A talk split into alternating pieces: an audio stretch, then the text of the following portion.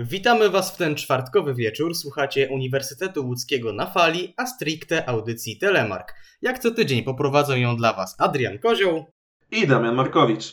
Za nami wyjątkowe Mistrzostwa Świata w lotach. Pierwsze w historii, które odbyły się w grudniu. Nadszedł czas podsumowań, więc przygotujcie się na moim zdaniem mniej więcej dwie godziny audycji, a wydaje mi się, że nawet więcej.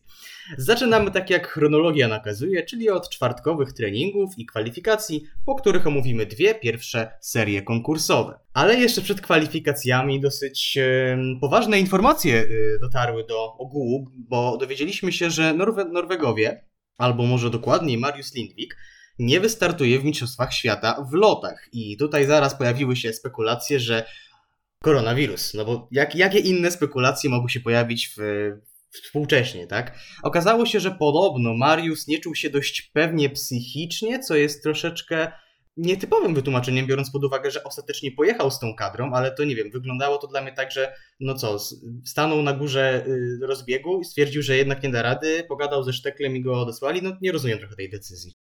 No być może się zaraził lękiem wysokości od Daniela Andretandego i stwierdził, że o, chyba dzisiaj jednak nie poskaczamy, chyba nie da rady, chyba musimy odpocząć. Nie, oczywiście śmieję się. Y, prawdopodobnie chodziło o to, że nie był, y, nie czuł się na tyle y, silny, mm, nie było, że, że, nie czuł, że, nie, że nie czuł formy, tak? Że to jeszcze nie jest to, że być może właśnie e, nie chce być może skompromitować się e, w Mistrzostwach Świata w lotach, dlatego sam podjął taką e, decyzję. Ale jeśli... Adrian, jak można nie czuć formy, jeżeli jedziesz na Mistrzostwa Świata w lotach, zdobywając w ostatnich zawodach Pucharu Świata trzecie miejsce? No tak, teoretycznie tak, ale no być może wiedział, że to jednak nie jest to, że miał taką, taką dużą dozę samokrytyki, i, I być może, no pamiętajmy, że to trzecie miejsce no to było w Niżnym Tagile, także jednak e, no, nie było to aż tak miarodajne. Zawodnik pewnie sam wie, e, jak funkcjonuje jego organizm, w jakiej formie powinien się znajdować, a w jakiej najwidoczniej się nie znajdował, ale sam powiedział, że ponoć ta przerwa bardzo dobrze mu zrobiła i wraca pełen sił i nadziei na Puchar Świata w Engelbergu za tydzień. No, zobaczymy, jak będzie prezentował się na szwajcarskiej ziemi. Mm, na planicy nie zobaczyliśmy również między innymi Daniela Hubera, który chyba największym pechowcem mm, tego całego koronawirusowego zarażenia w reprezentacji Austrii został. Bo nie ukrywajmy, no, do tej pory wystartował jedynie dwa razy, ale w obu przypadkach było to miejsce na podium. Mm, dokładniej miejsce trzecie i drugie, albo odwrotnie, już nie pamiętam. I tak naprawdę najpoważniejszy, był najpoważniejszym kandydatem Austriaków y, na medal. No a tutaj właśnie Austriacy zaprezentowali się w planicy bez swojego no, lidera. Za to był kto inny. Był kto inny, ponieważ przynajmniej w pierwszym treningu pojawił się Stefan Kraft, który wraca nie tylko po zarażeniu koronawirusem, ale również po gorszej dyspozycji ogólnie, co swoją drogą dosyć często dotyka Stefana Krafta w poszczególnych sezonach, najczęściej w okolicach turnieju czterech skoczni i przywitał się z letalnicą w znakomitym stylu. Tak naprawdę w pierwszym swoim skoku po zarażeniu uzyskał 239 metrów i bardzo charakterystyczny był jego wybuch radości po tym skoku, ale chyba trochę zbyt duży, ponieważ się okazało, Odnowił mu się uraz pleców, który nie tylko wyeliminował go z treningów, ale również z kwalifikacji i w przyszłości, jak się miało okazać, również z konkursu drużynowego. No, wielki dramat y, tak naprawdę lidera reprezentacji Austrii na przeciągu, przeciągu ostatnich lat. Tak, to prawda, Stefan Kraft. No, wydawało się, że już wróci. Treningi. Y, tutaj pojawił się na skoczni. A jestem przekonany, że gdyby nie był w 100% zdrowy, to nie pojawiłby się natomiast no, pojawił się świetny skok, no ale to o czym mówisz, no zbyt taki nadmierny chyba ten wybuch radości, odnowienie kontuzji pleców i w ostateczności no, dramat 28-letniego y, y, Austriaka, y, czy nawet 27-letniego, nie, nie pamiętam dokładnie. W każdym razie, no szkoda na pewno, że takie, mm, że takie zawody, takie mistrzostwa nie mogły uświadczyć obecności takiego zawodnika, jakim jest Stefan Krafta, więc rekordzista świata w długości lotu, tak? E, co do nieobecnych, no to jeszcze reprezentacja Szwajcarii, która tutaj miała przyjechać, zresztą przyjechała nawet na miejsce, ale okazało się, że trener ma koronawirusa i niestety wszyscy na kwarantannę, zawodnicy nie mogli wystartować, więc myślę też, no niestety, musieli podjąć taką, a nie inną decyzję, żeby Szwajcarom nie pozwolić E, wystąpić. Także też e, te kwalifikacje zamiast 47 zawodników na starcie miały tylko zawodników 45. No tak, i tutaj znowu wracamy do dyskusji, czy FIS nie powinien tutaj iść troszeczkę drogą FIFA, tak? Czyli no, organizacji piłkarskiej, która w przypadku, mm, kiedy dojdzie do zakażenia koronawirusem w jednym z zespołów, po prostu nakazuje odizolowanie danego przypadku od reszty drużyny, a pozostali zawodnicy dalej grają. I czy tutaj nie powinno być tak samo? Bo trzeba powiedzieć, że przecież e, zarówno Dominik Peter, jak i Gregor Deschwanden mieli negatywne wyniki testów i jak najbardziej mogli startować, ale ze względu na przepisy FIS-u po prostu nie zostali do tego startu dopuszczeni. Tak, tutaj mm, widać, że ewidentnie FIS jeszcze mimo tego, że już z tym wirusem mamy do czynienia od no prawie roku, to mm, nie uczy się w ogóle na, na własnych błędach, na błędach innych y, ludzi, innych y, organizacji, tak to, tak to nazwijmy, instytucji y, i, i, i nadal te błędy popełnia.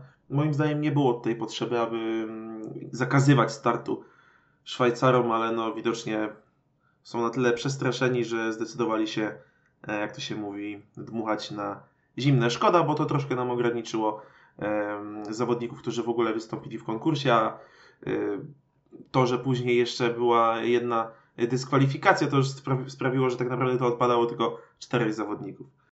Tak, tak. Jeszcze wracając do wątku Austriaków, nie było ani Daniela Hubera, ani ostatecznie Stefana Krafta, ale tak naprawdę znikąd, można powiedzieć, że z ostrego cienia mgły troszeczkę tutaj nawiązując do warunków, jakie panowały podczas kwalifikacji czy treningów, pojawił się Michael Hajbek, który bodajże w pierwszej dziesiątce uplasował się w Wiśle, później ze względu na kwarantannę, wirusy i tak dalej nie mógł startować w dalszych zawodach, ale wrócił na Mistrzostwa Świata w lotach i to tak naprawdę w wielkim stylu, ponieważ bardzo dobrze zaprezentował się na treningach, był trzeci i pierwszy, wygrał drugi trening, w kwalifikacjach również dosyć solidnie i tak naprawdę jak się miało okazać e, w takiej ścisłej czołówce ostatecznie uplasował się i do końca walczył o medal indywidualny.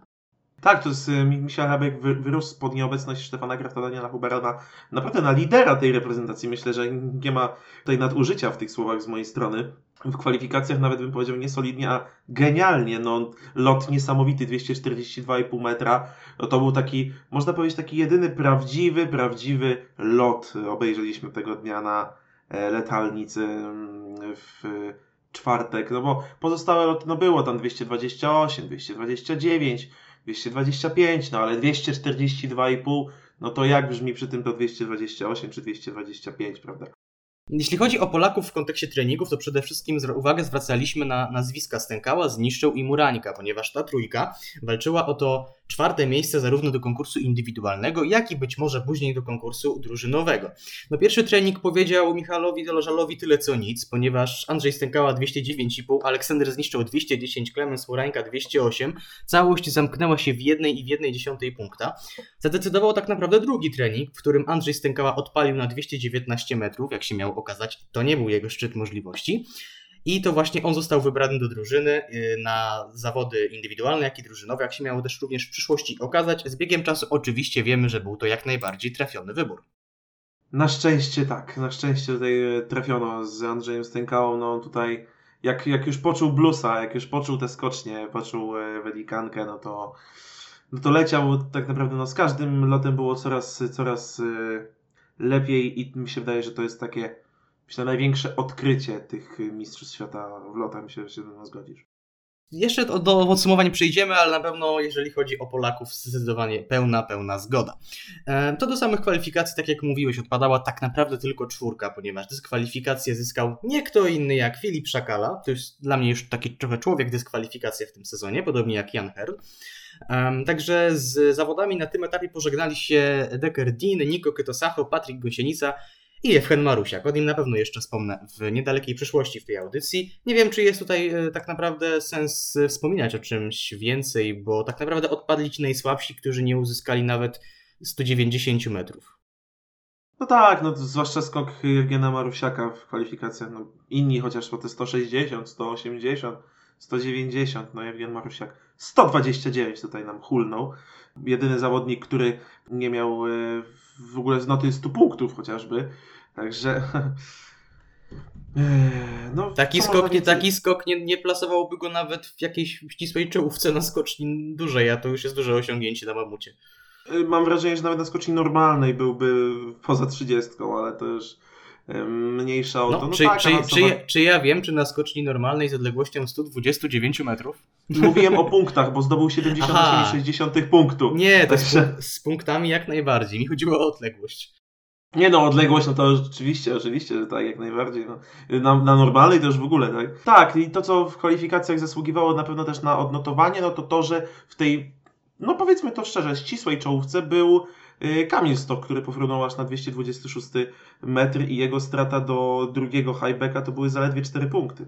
No i mieliśmy wówczas spore nadzieje. Myślę, że Kamil również miał spore nadzieje, przynajmniej na medal w jakimkolwiek kolorze, już nie mówię o złotym. A seria próbna dodatkowo te yy, nadzieje jakby powiększyła, ponieważ Kamil oddał znakomity skok na 239 metr. Uplasował się na czwartym miejscu, czyli dwa miejsca wyżej ale trafił do pierwszego Graneruda aż blisko 20 punktów, 19,8, jeżeli dobrze liczę. Generalnie wszyscy Polacy w tej serii próbnie zaprezentowali się bardzo dobrze. Szósty Piotr Żyła, siódmy Dawid Kubacki, ósmy Andrzej Stękała. Naprawdę aż tak większą dumę można było poczuć po tej serii próbnej. Tak jest, no znowu w serii próbnej nasi brylowali, ale już ktoś kiedyś bardzo złośliwie powiedział, że nasi skoczkowie to są mistrzowie treningów, kwalifikacji i serii próbnych. I jak się okazało później w konkursie, no to skąd jednak te głosy się wzięły? Sama pierwsza seria została może nie tyle zdominowana, ale no pokazał się w niej tak troszkę znikąd Karl Geiger. On, ja zapisałem sobie jego pozycję dotychczas.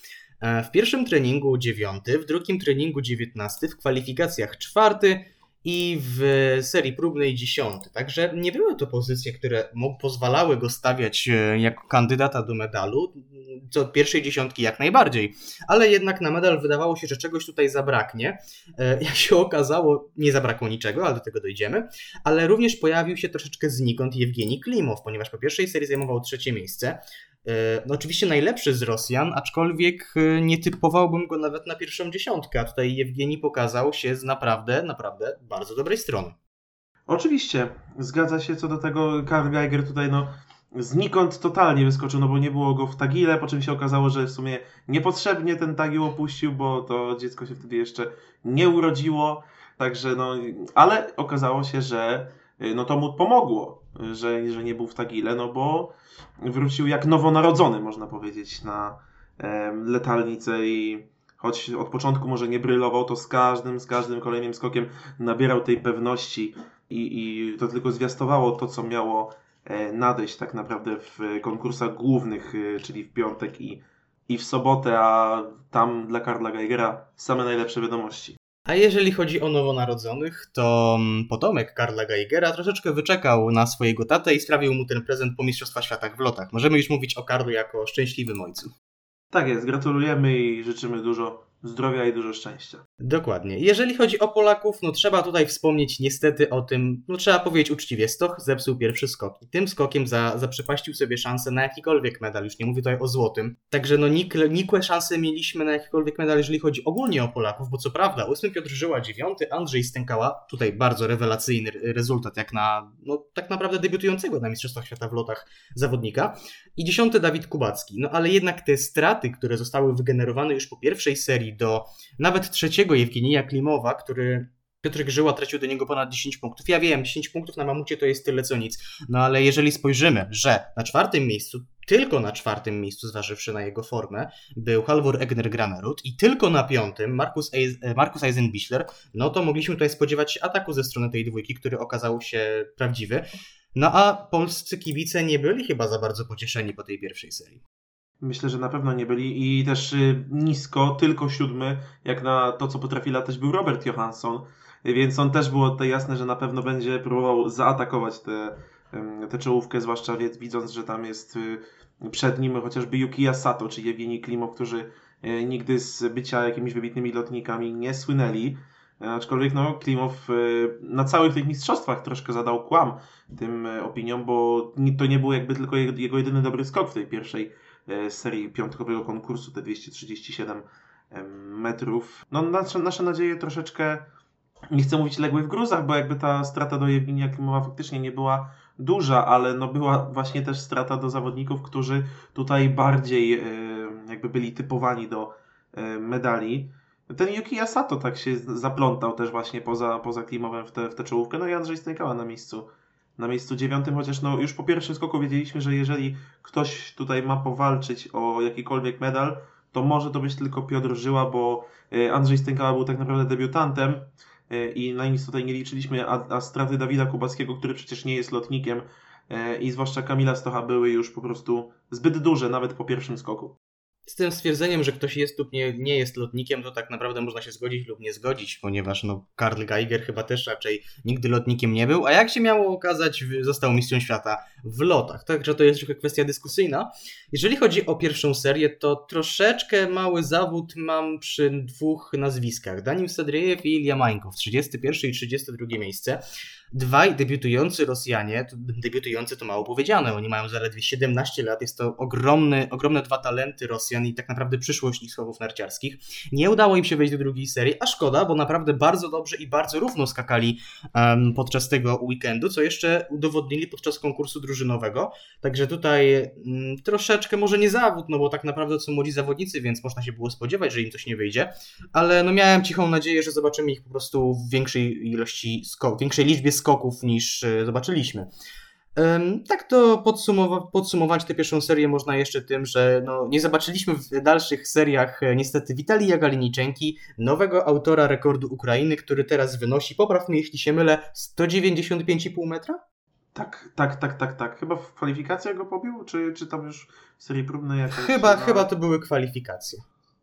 Tak, nowy, nowy rekordzista, no ale nie no, 176,5 metra, no to zdecydowanie, zdecydowanie za mało, żeby tutaj w ogóle myśleć o awansie do czołowej 30. Tutaj trzeba było skakać w okolice 200 metra, żeby, żeby przekroczyć e, tę magiczną granicę 30. E, Sadrejewowi zabrakło 2,7 e, punktu, Mankowowi 3,1, także niewiele, ale ten 30, który był, to też był ich rodak Michał Nazarow, który tutaj można powiedzieć takim trochę psim swędem, ale jednak zdołał awansować do serii finałowej. E, myślę, że zaskoczeniem jest to, że e, obaj Kanadyjczycy pojawili się w serii finałowej. Tak, tak, też mnie zdziwił za znakomity skok jak na Kanadyjczyka Matthew Soukupa 204 metry, gdzie po pierwszej serii był lepszy niż McKinsey Boyd Class, ale w sumie zważywszy na dyspozycję Sukupa, która zdawała się raczej być lepsza od tego, do czego nas przyzwyczaił na przestrzeni swoich startów, dopuszczałem taką możliwość, że może się zakwalifikować, no zważywszy, że w konkursie startowały takie tuzy jak właśnie Witalij Kaliniczenko czy Naoki Nakamura, który potrafił po dobrych skokach za 200 metr tak naprawdę w kwalifikacjach skoczyć 185,5 i nie, nie wystartować już do końca konkursu indywidualnego to jest właśnie cały Naoki Nakamura. Kiedy się wydaje, że on może jednak coś tam potrafi, to pokazuje, że nie, że jednak nie. Chciałbym wrócić też do liderów, nie, może nie do ścisłych liderów, ale do liderów po pierwszej serii. E, mianowicie Michael Hajbek, i Kurt Geiger. Bo noty, jakie dostala, dostała ta dwójka zawodników, to dla mnie jest e, i teraz tak. Na przestrzeni paru dni wymyślałem różne słowa. Kabaret, żart, patologia, żenada. Można wybierać sobie e, z czego tam się chce. Jeszcze można dodać granda też. Dokładnie. E, Michael Hajbek za lądowanie, co prawda, podajże za punktem HS, aż zobaczy jaką uzyskał odległość. Tak jest, 245,5 metra, więc rewelacyjna odległość, ale na dwie nogi, nawet nie próbował robić tego telemarku. Może trochę tam próbował go udawać później w odjeździe, ale za ten skok dostał 3,19, co dla mnie jest nie do pojęcia. A Karl Geiger za tak naprawdę pięknie wylądowany, tel, wylądowany skok telemarkiem, również za HS, co prawda metr, ale to mimo wszystko jest skok za HS, dostał od jednego z sędziów szesnastkę. Adrian, jak to wytłumaczyć? Powiem tak, no wytłumaczyć się tego po prostu logicznie nie da, bo ludzie logicznie myślący po prostu takich ocen nie dają albo inaczej. Ludzie logicznie myślący po tego typu sytuacjach, bo to nie jest pierwsza sytuacja, nawet w tym sezonie, że ktoś jest zbyt wysoko albo zbyt nisko oceniany za, daną, za swoją próbę. I to, że nadal sędziowie nie mają do dyspozycji mm, powtórek wideo zawodników, gdzie powtórki wideo y, weszły już do użytku nawet w najbardziej skorumpowanym sporcie świata, czyli w piłce nożnej a ciągle nie ma tego w skokach, więc dla mnie jest to osobiście totalnie niewytłumaczalne i skandaliczne. Podpisuję się oboma, obiema rękami tak pod tym stwierdzeniem. Nie jestem w stanie tego zrozumieć, że tak naprawdę przeciętny bez urazy, Janusz y, ze swojej kanapy w swoim domu jest w stanie widzieć więcej niż sędzia, który decyduje o tym, czy ktoś tak naprawdę zdobędzie medal, czy nie. To jest dla mnie sytuacja skandaliczna, no ale niestety tutaj naszym narzekaniem chyba niewiele zmienimy. E, przypomina mi się też sytuacja, że przecież w przypadku Michaela Heibeke to nie jest już pierwszy taki przypadek, kiedy sędziowie troszeczkę tak naprawdę na korzyść Austriaka e, swoje noty wystawiają, bo jeżeli się nie mylę, to mm, ustanowił on rekord e, skoczni teraz albo to był Oberstdorf, albo no któraś ze skoczni z turnieju czterech skoczni, ale ten skok podparł, ale sędziowie tej podpórki nie zauważyli. Nie zauważyli, to, to nie był Innsbruck czasem. Tak, możliwe, że Innsbruck. Nie zauważyli tak, tej to... oczywistej y, podpórki i dzięki temu Hajbek, no teraz w sumie nie wiem, czy on dalej dzierży ten rekord, ale no oficjalnie był wpisany jako rekordzista Bergizel. Tak, mi się właśnie wydaje, że to chodzi o, y, o skocznie właśnie Bergizel, że tam, że tam ten rekord pobił, ale no była to ewidentna, ewidentna podpórka, to był bodajże rok 2015, jeśli mnie pamięć nie myli. Dokładnie. No, cieszyć się tylko to, że tak naprawdę te noty jakoś bardzo nie wypaczyły końcowego podium, bo wydaje mi się, że pozyc- odpowiednie medale zdobyły, zdobyli ci zawodnicy, którzy najbardziej na nie zasługiwali. No, tak mi się wydaje, przynajmniej może ktoś się z tym nie zgadzać. E, jeszcze co, słówko co do warunków, bo co prawda, planica była moim zdaniem, tak porównując z pozostałymi weekendami, dosyć naj, na, tak najrówniejszym weekendem, jeśli chodzi o warunki, ale zapisałem sobie, że w pierwszej serii wiatr troszeczkę jednak kręcił, no bo tak naprawdę nie było jakiegoś potężnego podmuchu przez cały ten weekend, tak mi się wydaje. Tam e, podmuchy to dochodziły chyba do 0,4 metrów na sekundę, ale ten wiatr czasami był z tyłu, znaczy częściej zdecydowanie był w plecy, ale niektórzy zawodnicy mieli też troszeczkę wiatru pod narty i to też również mogło delikatnie wpływać na wyniki zawodów.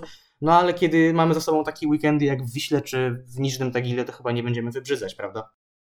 No w życiu, w życiu nigdy, nigdy byśmy tego nie śmieli, nie śmieli nawet zrobić, ale jeśli dobrze kojarzę, to tę tak zwaną lufę pod narty miał chyba Michael Heibeck, który właśnie dzięki tym e, doskonałym warunkom mm, pofrunął na 245,50 cm, wykorzystał te e, warunki idealnie, a jeszcze przy jego stylu latania, no to mogliśmy tutaj podziwiać fruwającego Austriaka szybującego nad e, zeskokiem letalnicy. Co ciekawe, w późniejszych seriach również e, pokazywał się z dobrej strony. Może już nie tak wybitnej jak przy tym skoku na 245 m i 50 cm, ale jak najbardziej zgłosił swoje aspiracje do walki o medal. E, druga seria, bo teraz o niej będziemy mówić. E, I o ile w pierwszej serii mm, źle zaprezentował się Kamil Stoch, o tyle w drugiej serii skaszanił swój skok totalnie Dawid Kubacki, ponieważ spodziewaliśmy się, że Dawid Kubacki w pierwszej serii zajmujący dziesiąte miejsce spróbuje jakoś zawalczyć o tę mm, dziesiątkę, może zaatakuje, a nie. Dawid Kubacki skacze 215,5 i niestety spada na miejsce dwunaste po e, dwóch seriach. No i troszeczkę zaskakuje mnie, ponieważ Dawid znowu informował, że że miał, kłopoty z plecami. I co prawda to było troszeczkę inny przypadek to był niż w przypadku e, bodajże Wisły, kiedy zajął 11 miejsce, no ale troszeczkę niepokoi mnie to, że tak naprawdę nie skończył się jeszcze trzeci period, czyli pierwszy w sezonie zimowym, a Dawid Kubacki już dwukrotnie miał problemy z plecami. No, ja żartowałem, że on jest już 30-letnim zawodnikiem, może mu się to zdarzyć, ale to tak na poważnie mówiąc, to, to jest trochę nieporozumienie. No niestety i to pokazuje ten początek sezonu, że coś jest tutaj nie w porządku, bo tutaj yy, na początku Kamil Stoch miał jakieś problemy, teraz Dawid Kubacki znowu z plecami.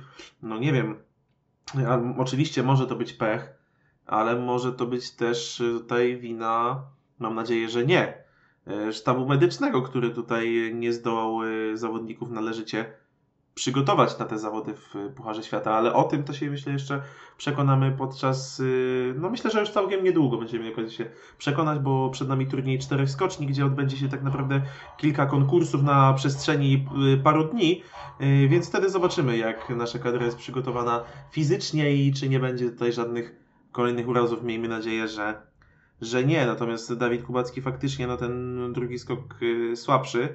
E, podobnie jak Andrzej Stękała, który po prostu no, popełnił błąd, on tam chyba nawet coś mówił, że, że ten drugi skok po prostu zepsuł, a mm, w przypadku Dawida mam wrażenie, że tutaj ze skoku na skok niestety było coraz gorzej, coraz bardziej ten ból mu doskwierał i to zaczęło być widoczne na skoczni niestety i to też e, miało w przyszłości zdecydować o kolorze medalu, co by tu dużo mówić. Dokładnie. A mm, też chciałem zwrócić uwagę na to, że Kamil Stoch oczywiście zanotował dużą poprawę. Już pewnie troszeczkę na innym mentalu podchodzi do tego drugiego skoku po tym pierwszym zepsutym, 229 e, metrów, e, ale z kolei ponownie noty tak naprawdę za, za, były kontrowersyjne, bo dostał Kamil za ten skok 56,5 punktu, który był chyba ten skok najwyżej oceniony w drugiej serii, ale wydaje mi się, że mimo wszystko ten skok był oceniony za nisko, no bo 56,5 punktu to są dwie dziewiętnastki, jedno 18,5, a wydaje mi się, że tutaj nawet można byłoby się pokusić o dwudziestkę. Okej, okay, nie był to bardzo daleki skok, ale Kamil w locie był, miał posągową y, sylwetkę, i wylądował praktycznie bez drgnięcia perfekcyjnym telemarkiem. Czego chcieć więcej, poza może paroma metrami, no ale czy metry to tak naprawdę jest główny wyznacznik tego, jak skok powinien być oceniany, ponieważ wydaje mi się, że nie. Nie wiem, ale wydaje mi się, że tak jak kiedyś skoczkowie dawali Kamilowi troszkę zbyt wysokie noty, można powiedzieć. Tak teraz mam wrażenie, że przestali doceniać jego próby pod względem stylu. Nie wiem od czego to zależy, ale takie mam właśnie wrażenie, że inny zawodnik pokroju na przykład, nie wiem, Karla Geigera yy, chociażby za lądowanie na tej samej, na tym samym dystansie dostanie myślę jakiś punkt wyższy noty od Kamila, co dla mnie jest osobiście dziwne. No zarówno Kamil Soch, jak i Karl Geiger raczej wydają się być specjalistami od y, lądowania w dosyć ładny, ładny sposób, ale od lądowania w dosyć nietypowy sposób, to specjalistą po tym weekendzie jest dla mnie Matthew Sokup. Nie wiem, czy pamiętasz ten skok, jego lądowanie z drugiej serii.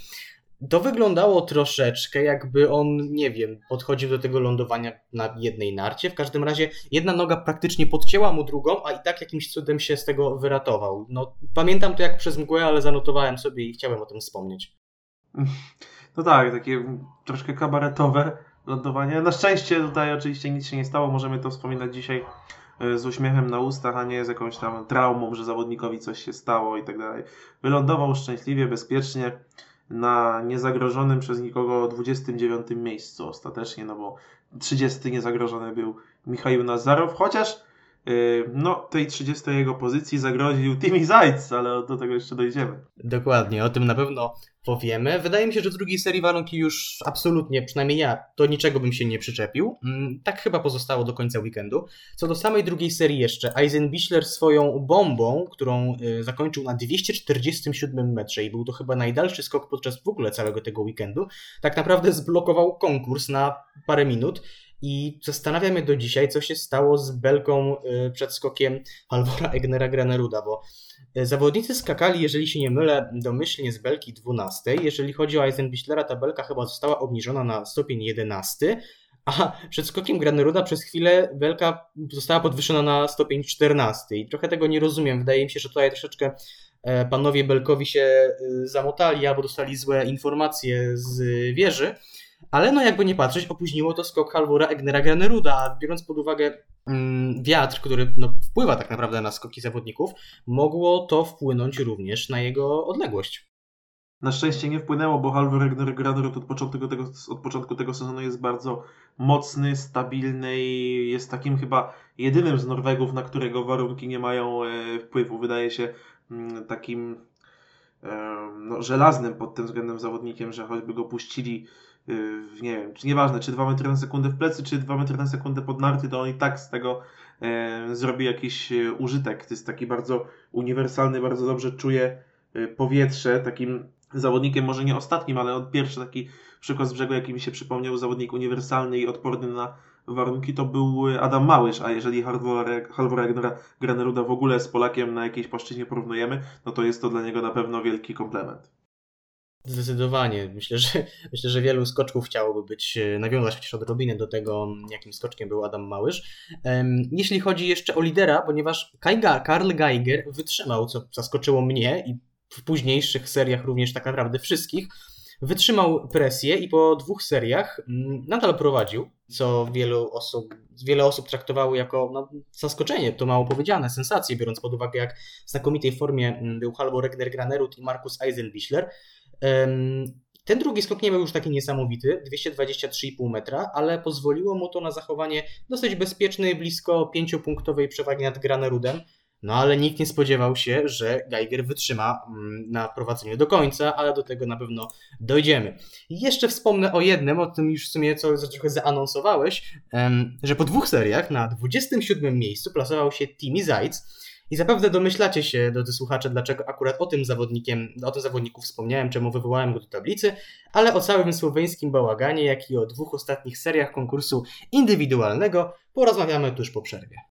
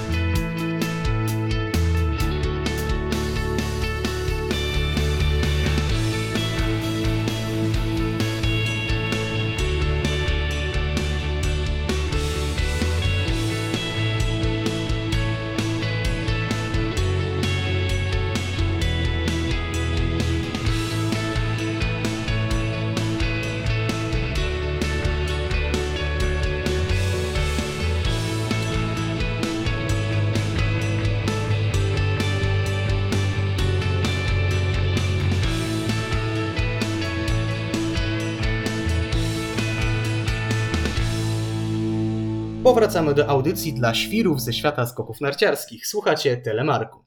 Obecnie w rozmowie jesteśmy na półmetku zmagań indywidualnych Mistrzostw Świata w lotach narciarskich. Lecz zanim podejmiemy się omówienia trzeciej i czwartej serii, skupmy się na reprezentacji Słowenii, bo jest się zdecydowanie nad czym skupiać. I teraz Adrian, trzymaj, że tak powiem, warte, żebym niczego nie przekręcił, ja postaram się w dużym skrócie to streścić. Oczywiście. Timmy Zajc po pierwszym, pierwszych dwóch seriach e, na Instagramie wrzucił dosyć kontrowersyjny wpis, w którym oczernia trenera reprezentacji Słowenii Gorazda Bertoncellia, mówiąc, że powinien wziąć on odpowiedzialność za słabe wyniki Słoweńców, że każdy z nich chciałby oczywiście medal, ale nie są tego w stanie zrobić. Później Domen Prewc daje lajka temu e, komentarzowi, co jakby nie patrzeć podkreśla, że się z tym zgadza, no bo jak inaczej to interpretować.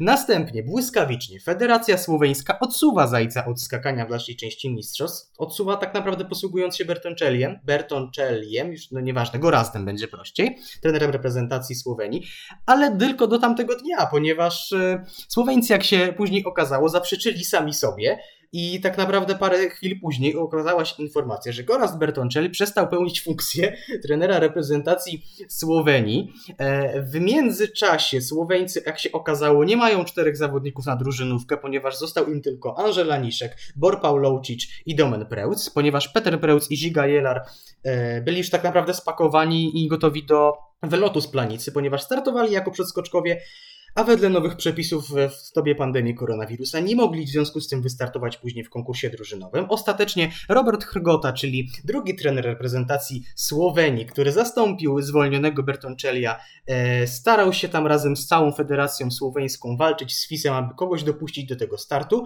Ostatecznie Słoweńcy zostali zatrzymani tuż tak naprawdę, no nie wiem, przed wejściem do samolotu, tak można to zinterpretować.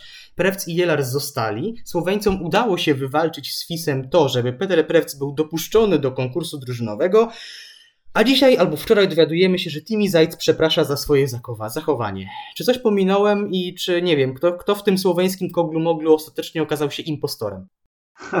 E, tutaj można powiedzieć, że yy, oczywiście niczego ważnego nie pominąłeś. Tak, stosując takie właśnie określenia z gry Among Us, no to tutaj Impost mam wrażenie, że są sami impostorzy, bo, bo najpierw jest właśnie ten Berton, Bertoncel, który y, zrzuca winę też właśnie na zawodników, bo mówi, że y, Angela Niszek no, na treningach tak dobrze skakał, w kwalifikacjach ten, a potem w konkursie tak słabo jakoś tak ten. I totalnie zrzuca winę na zawodników, gdzie jak dla mnie, no powiem szczerze, dla mnie Goraz Bertoncel to jest trener na, na poziomie Łukasza Kruczka, albo nawet gorzej a to nie jest komplement y, w żadnym wypadku, więc y, no to na pewno no później Timmy Zajc, który ma niestety zbyt długi język y, i, i no też wychodzi na niemałego dzbana w tym, w tym swoim wpisie, więc też tutaj jego też nie należy, nie należy chwalić.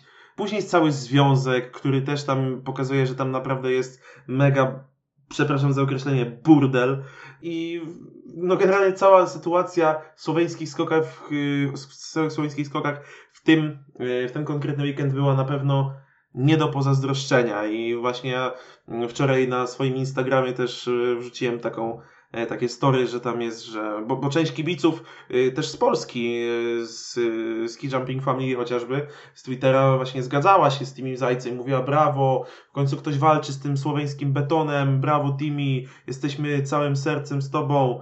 Tymczasem Timmy Zajc i tam pod spodem właśnie rzuciłem tweeta, że Timmy Zajc przeprosił za swoje zachowanie, także nie wiem co o tym wszystkim myśleć, wiem na pewno, że całe słoweńskie skoki w tym momencie to jest jeden wielki burdel i zaczynam rozumieć, dlaczego słoweńscy skoczkowie z początkiem tego sezonu tak słabo skaczą. No myślę, że Timmy Zajc przede wszystkim nie chciał pójść w ślady Janka Ziobry, który formalnie jeszcze jest aktywnym zawodnikiem, ale no raczej nie spodziewamy się go zobaczyć już na skoczni. No, nie umówmy się, ma 29 lat i nie sądzę, że go kiedykolwiek zobaczymy, chyba że w jakichś zawodach, nie wiem, oldboyów, tak? Pamiętamy, że yy, Wojciech Fortuna w wieku lat 30 startował w zawodach oldboyów, także nic straconego, panie Janie wieku lat 30 w, w zawodach oldboyów czułbym się niepewnie na miejscu Stefana Huli, Kamila Stocha, Piotra Żyły, czy nawet Dawida Kubackiego. W międzyczasie dostaliśmy też e, informację, mm, że no, oficjalną, że Stefan Kraft nie wyrobi się na drużynówkę i Austriacy będą musieli poradzić sobie bez niego. A jeżeli już tak wreszcie przechodząc y, do samej, no na razie serii próbnej, znakomicie, znakomicie i powtórzę to jeszcze raz, mimo że to seria próbna, znakomicie zaprezentował się Andrzej Stękała, który w serii próbnej zajął czwarte miejsce. I kiedy zastanowimy się, z kim on rywalizował, Halvor, e, Halvor Egner Granerud, Markus Eisenbichler, Karl Geiger, Robert Johansson, nawet Daniel Andretande i on, on tak naprawdę obracał się w, pośród tych zawodników, Panie Andrzeju, więcej, jeszcze więcej. Tutaj trochę parafrazując e, ciebie z innej audycji sprzed e, ładnych paru, paru miesięcy. Andrzej Stękała zapracował naprawdę podczas tego weekendu na duży plus i pewnie jeszcze nie raz będę go wychwalał podczas tej audycji. A z minusów, no to niestety seria próbna Dawid Kubacki 17 miejsce. No tak, ta seria próbna taka w kratkę można by powiedzieć, ale już wiedzieliśmy, że no, że Dawid Kubacki po prostu tego nie da rady uciągnąć, że te plecy do, dolegają no i niestety te obawy się w przypadku Dawida potwierdziły. Na szczęście potwierdziło się też to, że Piotr Żyła i Andrzej Stękała są na tych Mistrzostwach Świata w lotach niezwykle regularnie i na szczęście daleko skaczący. Tak, przechodząc już do samej trzeciej serii, zanotowałem sobie niską belkę. Tak dosyć asyguracyjnie organizatorzy podeszli do do tych skoków. Ustawili belkę 12, ale wydaje mi się, że to jest zagranie takie, żeby później tą, tą belką już nie manewrować, żeby puścić wszystkich zawodników z tej samej belki, mimo że zawodnicy pokroju Michaiła Nazarowa nie są w stanie doskoczyć do 200 metra, mimo że to nam niewiele mu zabrakło. No ale jednak z tej samej belki. No i szczerze, wydaje mi się to całkiem dobrym rozwiązaniem, żeby już nie bawić się w te machlojki z belkami. Zwłaszcza, że tak naprawdę jedna belka w dół czy w górę to jest bodajże blisko 10 punktów różnicy na skoczni takiej, jaką jest letalnica, więc może to istotnie wpłynąć na wyniki konkursu, biorąc pod uwagę, że prędkości najazdowe aż tak bardzo tutaj nie są istotne. To prawda, nie, nie powinno się moim zdaniem tak tymi belkami e, szachować. Ja, czy ja ogólnie mówiłem ostatnio, że e, a propos tych belek, że mm, ja bym na przykład zakazał tych, tych manewrów z belkami, w sensie jeśli chodzi o, o trenerów, tak, bo potem e, jest jakaś matematyka, liczenie, że on tutaj do, tu dostanie więcej punktów, tu dostanie mniej e, i takie, takie szachowanie tymi belkami. Ja osobiście bym to skasował, bo to powinny być skoki narciarskie, kto skoczy najdalej, a nie kto tam punktów więcej zdobędzie. To jest dla mnie osobiście dziwne i takiej sytuacji chciałbym unikać. Oczywiście, jeśli jury obniża belkę z uwagi na przykład na zbyt korzystne albo zbyt niekorzystne warunki ją podwyższa, no to wtedy spoko, jakby jest wszystko w porządku. Natomiast jeśli robią to trenerzy, by zyskać dodatkowe punkty i to jest normalnie tak spotykane na co dzień, te zagrywki taktyczne, no przyznam szczerze, mi się to osobiście nie podoba, kiedy skoki zaczynają e, przypominać e, matematykę i taktykę, a nie po prostu skoki.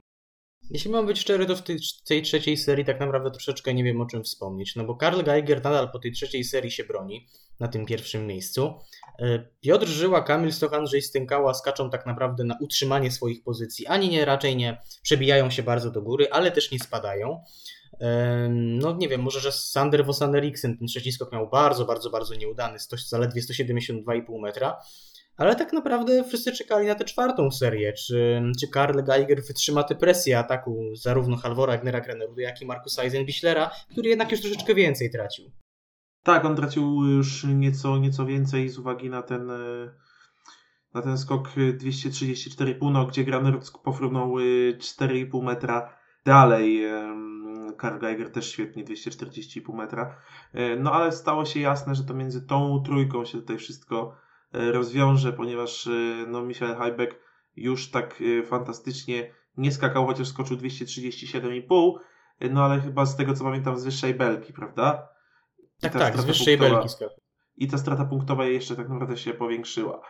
Mm, ten skok szósty już totalnie, ten skok czwarty totalnie już jakby zabrał Michaelowi Heibeckowi jakiekolwiek marzenia o, o medalu. No ale no, trzeba przyznać, że gdyby skakał tak samo, na takim samym poziomie jak w czwartek i w piątek, to mógłby ten medal zdobyć, no ale niestety, no, pokazał, że jest tylko, niestety, tylko e, Michelem Heibeckiem i tutaj niestety do tej czołowej trójki nie ma podjazdu, choć myślę, że to i tak e, były dla niego bardzo, bardzo udane mistrzostwa.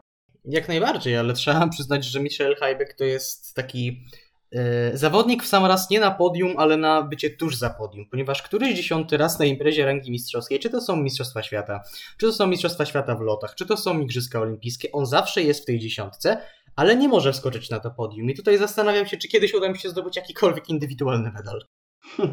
No to prawda, ale raz w turnieju cztery skocznie, jeśli się nie mylę, był chyba drugi albo trzeci. Więc wtedy akurat na, na podium był, ale, ale no to tylko, jak to się mówi, jedna jaskółka wiosny nie czyni. No i za drugie czy trzecie miejsce raczej na turnieju skoczni medalu nie dostanie, tam liczy się tylko zwycięzca, no nie ukrywajmy. Czwarta seria... Zgadza się, ale jak jakieś tam pieniążki wpadły pewnie. No, to na pewno. Czwarta seria, czyli ta, która najbardziej interesowała wszystkich, no co prawda Polacy już raczej bez szans na cokolwiek musiałoby się, nie wiem, dwie dyskwalifikacje, trzy skoki na 160 metr wydarzyć, żebyśmy mieli jeszcze jakieś szanse, ale jak najbardziej w dziesiątce, aby się utrzymać czy poprawić swoje pozycje, szanse były. Niemniej jednak Geiger wytrzymał i został jednym z nielicznych skoczków, którzy od pierwszej do ostatniej serii byli liderami na zmaganiach o, o mistrza świata w lotach, w zawodach indywidualnych. Co prawda ostatni taki przypadek to Daniel Andretande dwa lata dwa lata, dwa lata temu, ale no niemniej jednak Daniel Andretande był jednak wymieniany w gronie tych faworytów do, do złota, a Karl Geiger, no, absolutnie, no. Mówiło się, no przede wszystkim Halvor Egner Granerud, Markus Eisenbichler, ewentualnie co po niektórzy mówili Robert Johansson, co inni jeszcze mówili Kamil Stoch, jeszcze inni mówili, że może Piotr Żyła, a może Daniel Andretande się wreszcie obudzi, a o Karlu Geigerze przynajmniej ja, ja ani jednego słowa przed y, turniejem nie widziałem. Może ty coś dostrzegłeś? Nie, przyznam szczerze, że przyznam szczerze, że, że nie, ale no, przyzna, no muszę powiedzieć, że ten konkurs sobotni też tutaj trzymał nas, yy, trzymał nas w napięciu, no bo to, co wydarzyło się na koniec, te, te dwa ostatnie skoki właśnie tutaj Graneruda i e, Geigera, no wielka, wielka klasa i no przede wszystkim to nerwowe oczekiwanie do samego końca. Dokładnie, no Granerud przegrał zaledwie o pół punktu, czyli to jest tak naprawdę pół noty. Jeden z sędziów decyduje się dać Geigerowi albo Granerudowi inną notę o te pół punktu i wówczas mielibyśmy tak naprawdę dwóch mistrzów, bo chyba tak to by zostało rozwiązane. E, nie tak wiem, jest, czy, tak jest. Nie wiem, czy kiedykolwiek była. Nie wiem, czy tak kiedykolwiek było. Ja też nie, właśnie. Wydaje bo mi się, że to był pierwszy oczywiście tak, ale, ale w ale w imprezie rangi mistrzowskiej, że było dwóch egzekwo na pierwszym miejscu, nie kojarzy mi się, nie kojarzy mi się. No to... może, na, mo, może nasi słuchacze będą pamiętać. No nie oszukujmy się, że jest to zdecydowanie trudniejszy przypadek, no bo w turnieju czterech skoczni zdobywa się za skok w, maksymalnie, myślę, w porywach, po rewelacyjnym skoku 150 punktów, powiedzmy, gdzie to już jest naprawdę, naprawdę wybitny skok. Eee, a w, w przypadku zmagań na mamucie zdobycie 200 punktów przez przez takiego, no może nie bardzo dobrego, ale solidnego, e, takiego po prostu solidnego zawodnika to nie, jest, to nie jest nic trudnego, więc wydaje mi się, że tutaj wcelować w dwie identyczne noty po wszystkich skokach jest jeszcze trudniej, dlatego pewnie taka, taki przypadek się jeszcze nie wydarzył, ale Trzeba tu też y, zwrócić uwagę na, na, na te oczy, oczywiście pół punktu, ale na postawę Halvora Egnera Graneruda w kontekście tego, jaki medal zdobył, bo zdobył srebro, zadebiutował na tych mistrzostwach i od razu zdobył srebro, co jest dla mnie rewelacyjnym wynikiem mimo wszystko. Ale Halvor Egner Granerud zdawał się zarówno po swoim zachowaniu, jak i po tym, jak komentował ten, ten srebrny medal, że to jest dla niego porażka, bo przyjechał tu oczywiście po to, żeby wygrać. No wiadomo, e, w sporcie chodzi o to, żeby wygrać e, jakby wygrać, ale też chodzi o rywalizację, tak? Ale Halvor Egner Granerud widać było zdecydowanie przyjechał tutaj tylko po to, żeby wygrać.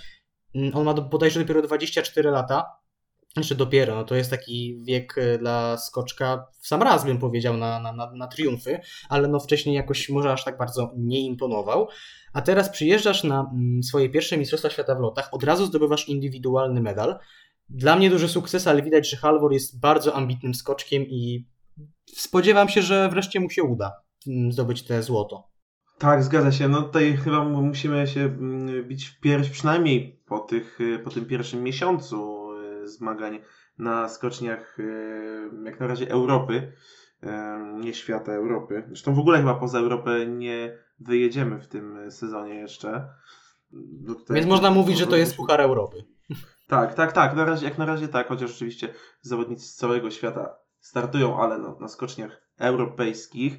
Yy, możemy bić się w pierś, że no, wytypowaliśmy, że Norweg będzie tutaj w tym sezonie dzielił i rządził, ale nie, że będzie to Halvor Graner. Sądziliśmy, że tutaj Mariusz Lindwik będzie walczył, a jak na razie, no to yy, Lindwik, yy, no można powiedzieć kolokwialnie, no, no nie, nie, walczy, a, a, natomiast robi to Halvor Granerowi i wychodzi mu to fenomenalnie.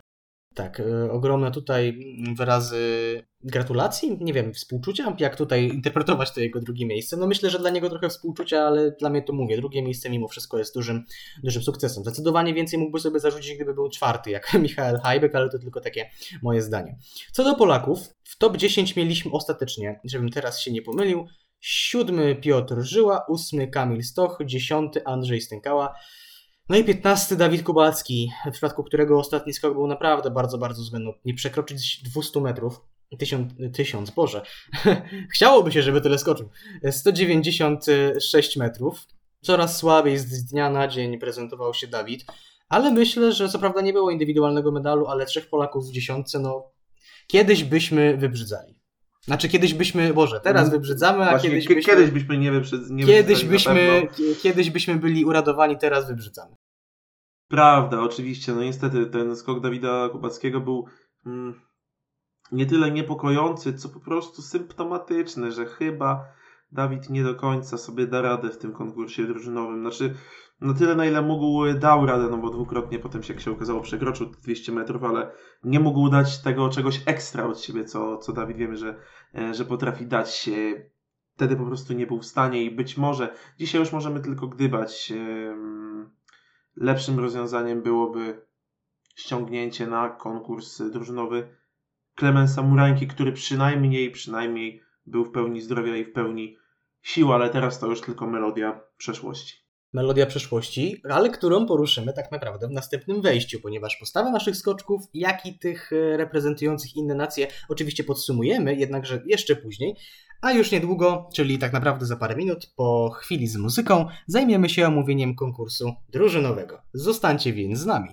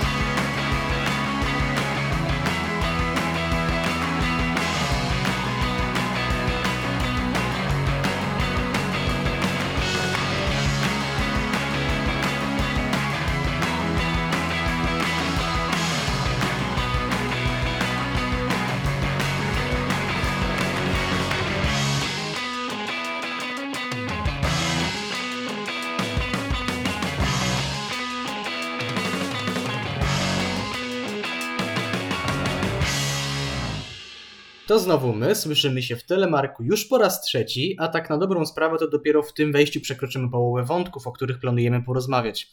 Lecimy więc dalej. I teraz, y, zanim zaczniemy omawiać konkurs, no to standardowo, seria trudna i w ogóle, ale przed y, konkursem drużynowym, a tak naprawdę niewiele po konkursie indywidualnym, dowiedzieliśmy się po pierwsze, kto wystartuje w reprezentacji Polski w konkursie drużynowym, a także jaka będzie kolejność. I o ile kto wystartuje, moim zdaniem, no okej, okay, ta decyzja mimo wszystko się broniła, no bo startował Wystartował ostatecznie Dawid Kubacki, nie, nie, nie zdecydował się Michał Doleżal na zamienienie go na Klemensa Murańkę, ale tutaj jest najbardziej chyba zaskakująca kolejność, na jaką zdecydował się czeski szkoleniowiec, bo Zawody rozpoczynał Piotr Żyła, a następnie skakali Andrzej Stękała, Kamil Stoch i jako ostatni Dawid Kubacki, czyli tak naprawdę najsłabszy nasz zawodnik podczas tego weekendu e, startował w ostatniej serii, gdzie rywalizować miał z najlepszymi zawodnikami innych reprezentacji. reprezentacji. Jak skomentujesz z perspektywy czasu te decyzje? Bo dla mnie, wydaje mi się, broniło się to pod pewnymi względami, ale ostatecznie wydaje mi się, że lepiej wyszłoby, gdyby zmagania drużynowe w naszej reprezentacji kończył Piotr Żyła. Też tak uważam osobiście. Znaczy, ja ogólnie jestem zdania, że chyba warto było tutaj no, nie forsować Dawida, któremu widać było, że coś dolegało, że nie jest w stanie dać siebie 100% albo tam nawet właśnie 100 i czegoś ekstra, o czym wspomniałem we wcześniejszym wejściu. I może wystawić Clemensa Murańkę, dać mu szansę, bo on spisuje się naprawdę dobrze, powyżej oczekiwań, które, że tak powiem, wytworzył w sezonie zeszłym. Mm, I być może dałby tutaj jakąś większą e, liczbę punktów niż dał Dawid Kubacki, który nie był w pełni sił, w pełni zdrowia. Natomiast ja bym to urządził w ten sposób, że chyba bym posłał na pierwszy ogień Kamila Stocha, jako drugiego dałbym e, Andrzeja Stękałę, trzeci Dawid Kubacki, czwarty Piotr Żyła. Tak bym to ułożył osobiście. Ja akurat bym chyba dał jako drugiego Dawida Kubackiego, ponieważ ta druga grupa jest, e, wiadomo, w tą teoretycznie najsłabszą i no wydaje mi się, że tam mógłby być troszeczkę wypaść lepiej w rywalizacji z innymi zawodnikami, za to Andrzej Stękała dla mnie mógłby ten konkurs rozpoczynać, bo tak naprawdę biorąc pod uwagę niestabilność Kamila Stocha, o czym mieliśmy się niestety okazję przekonać podczas samego konkursu, Andrzej by moim zdaniem ten konkurs dla nas e, dobrze rozpoczął. Ale właśnie przechodząc już do samej serii próbnej, ponieważ to też jest bardzo ciekawy wątek. Kamil Stoch troszeczkę jakby chciał zaprzeczyć temu, co przed chwilą powiedziałem, był w serii próbnej na miejscu trzecim. Skok, jeżeli chodzi o odległość, może nie był jakiś niesamowity, 223,5 metra, ale jednak było to miejsce trzecie. Zdominował tę serię próbną oczywiście nie kto inny jak Halvor Egner Granerud, który Znowu. Kamila Stocha odstawił na ponad 20 punktów, a Markusa Eisenbichlera na prawie 15. E, co do innych Polaków, dziewiąty Dawid Kubacki nie najgorzej ale odległościowo troszeczkę dziwnie to wygląda, kiedy Dawid jest dziewiąty, mając 213, a Piotr Żyła i Andrzej Stękała 221,5 i 221, 10 i 12 miejsce, no ale wiadomo, warunki Belka i tak dalej, chociaż nie, Belkę mieli inną. Co do tej serii próbnej mogę powiedzieć, to jakby reasumując, pol, e, wyniki polskich skoczków, jak i innych, plasowalibyśmy się wówczas na miejscu drugim. No i tutaj jeszcze takie nadzieje się nam tliły, że a może uda się powalczyć to z Norwegami czy z Niemcami. No nie wydawało nam się, żebyśmy mieli spaść z tego podium i ja przed konkursem oceniałem to tak, że e, każde miejsce inne niż pierwsze, trzecie będzie porażką, trzecie miejsce będzie naszym optymalnym miejscem, a drugie czy pierwsze miejsce będzie sukcesem. I, I, takie założenia przyjęte były chyba ok, no bo jakby nikt nie mógł oczekiwać, że tutaj zwyciężymy, no bo fantastycznie latali. Norwegowie na czele z Granerudem, e, fenomenalnie latali także Niemcy z Geigerem, Eisenbichlerem u Norwegów, także e, bardzo dobrze prezentował się Robert Johansson, który no zawsze na, na lotach tutaj się uaktywnia, niezależnie od tego, w jakiej jest formie. E, wcześniej, a on też w Tagile był bardzo mocny, więc było pewne, że tutaj będzie się na pewno e, liczył zarówno w rywalizacji indywidualnej, jak i da też sporo punktów w drużynówce i nie pomyliliśmy się wcale. Ale co do tej drużynówki, to ten pierwszy skok Kamila Stocha. Znowu, znowu, znowu chciałoby się rzec. No niestety, a tak naprawdę po dwóch grupach byliśmy liderami. No, mogliśmy się tego spodziewać, no bo Piotr Żyła czy Andrzej Stękała prezentowali się podczas tego weekendu naprawdę bardzo, bardzo dobrze, więc mogliśmy się jak najbardziej spodziewać, że po tych dwóch grupach ym, zajmiemy to pierwsze miejsce. Jeżeli się nie mylę, Piotr Żyła wygrał swoją grupę, Andrzej Stękała był albo drugi, albo trzeci. No ale mm, Kamil Stoch, y, który tak naprawdę po swoim skoku był trzeci w grupie swojej, więc to wydawałoby się, że całkiem dobry, porządny wynik. No ale kiedy skaczesz 205,5 metra, no to więcej niż y, chociaż ten brązowy medal nie możesz niestety, nie możesz po prostu o tym marzyć, tak? A jak się później miało też okazać, y, po skoku Dawida Kubackiego na 200, 211 metr i po skoku Andrzela Niszka na 231 metr, no to nie wiem jak ty, ale ja zacząłem troszeczkę drżeć o to, czy my w ogóle na tym podium staniemy. No tak, to prawda, zresztą w ogóle y, Andrzej Laniszek fenomenalny konkurs miał. Y, dwa loty na 231 metr, y, drugi jeszcze pół metra dalej. I to go uplasowało, zdaje się, indywidualnie na czwartej pozycji, gdzie przegrał tylko z tą żelazną trójką tych mistrzostw, a więc dwójką Niemców, Geigerem i Eisenbichlerem oraz Norwegiem Granerudem. Tutaj zostawił w tyle Hajbeka, Johanssona, Piotra Żyłę, Yuki Esato, Stękałe, Daniela Andretandego, no całą tę plejadę gwiazd zostawił y, daleko, daleko za sobą, no i tylko pozostaje mieć pytanie, panie Laniszek, czemu pan tak nie skakałeś indywidualnie? Ciekawie to brzmi, plejada gwiazd w kontekście Andrzeja Stękały. no tak, plejada gwiazd, y, no tych mistrzostw, o, może, inaczej. Tak, tak, jak zrozumiałem, tylko po prostu chciałem zauważyć, że ciekawie to brzmi, biorąc pod uwagę, że Andrzej tak, Stękała... Tak, biorąc pod uwagę to, jak Andrzej jeszcze rok temu skakał chociażby. No, chociażby. A za kadencji Stefana Hornbechera już w ogóle. jeszcze a propos tej pierwszej serii, to koniecznie muszę poruszyć to, co wydarzyło się w trakcie skoku Timona Pascala Kachofera, ponieważ 129,5 metrów, wydaje mi się, y, i pół metra, wydaje mi się, że najprościej rzecz ujmując, Austriaka zjadła trema, bo nie jestem pewny, ale wydaje mi się, że po prostu nierówno wyszedł z progu. Jedną nogą mógł się wybić troszeczkę mocniej, dzięki czemu po tak naprawdę mm, kilku metrach jedna z jego nart zaczęła zbierać powietrze, dzięki czemu musiał uratować się przed upadkiem. No i smutny obrazek później obserwowaliśmy, kiedy ten y, młody jednak jeszcze mimo wszystko zawodnik, bo chyba on ma 20 albo 21 lat, z głową w rękach jest po prostu świadomy tego, że zaprzepaścił jakiekolwiek nadzieje Austriaków na, na medal. No niestety, no zapłacił to, jak to się mówi, frycowe Timon Pascal Kachover. No po prostu zepsuł wyjście z progu i wiemy doskonale, że letalnica, czy też welikanka takich błędów po prostu nie wybacza i przekonał się o tym dobitnie na własnej skórze młody Austriak. Tak, to był jego błąd, tutaj nie ma co zwalać na, na warunki i wtedy już tak naprawdę jasnym stało się, że Austriacy no, medal zobaczą tutaj cytując mojego tatę, jak świnia niebo. Bardzo dobre porównanie. Kolejny raz wygrywasz y, nagrodę, prawda, komentarza audycji. Albo raczej twój tata. Czuję się, czuję się dumny, na pewno tacie gratulacje przekażę. Dobrze. Jeżeli chodzi o drugą serię, Słoweńcy już przestali być tacy groźni, bo najsłabszym y, punktem Słoweńców, co się miało w ogóle, co mnie trochę zaskoczyło, był Bor Pawlowicz, bo 200 i zaledwie 201 metrów. Spodziewałem się, że tutaj może raczej inni zawodnicy będą, no, któryś na przykład z braci Prewców będzie, Prełców, przepraszam, będzie może tym najsłabszym ogniwem, a się okazało, że nie tylko nie byli najsłabszym ogniwem, a Peter Prełc, y, tutaj dezygnowany w, za tego młodego, niegrzecznego Timiego Zajca, zaprezentował się całkiem solidnie, jak na Petera Prełca obecnych czasów. 221 i 218,5 metra. Ostatecznie indywidualnie Peter przed swoim bratem na 13 miejscu, no ale Słoweńcy, jak się miało wydawać, nie zdobyli medalu, ale no później była to dyskwalifikacja Daniela Andretandego i jednak brąz zdobyli. No tak, no tak, to się zgadza, także jaka jest kwalifikacja? Drodzy słuchacze, właśnie y, udało mi się strollować Adriana Kozioła. No właśnie.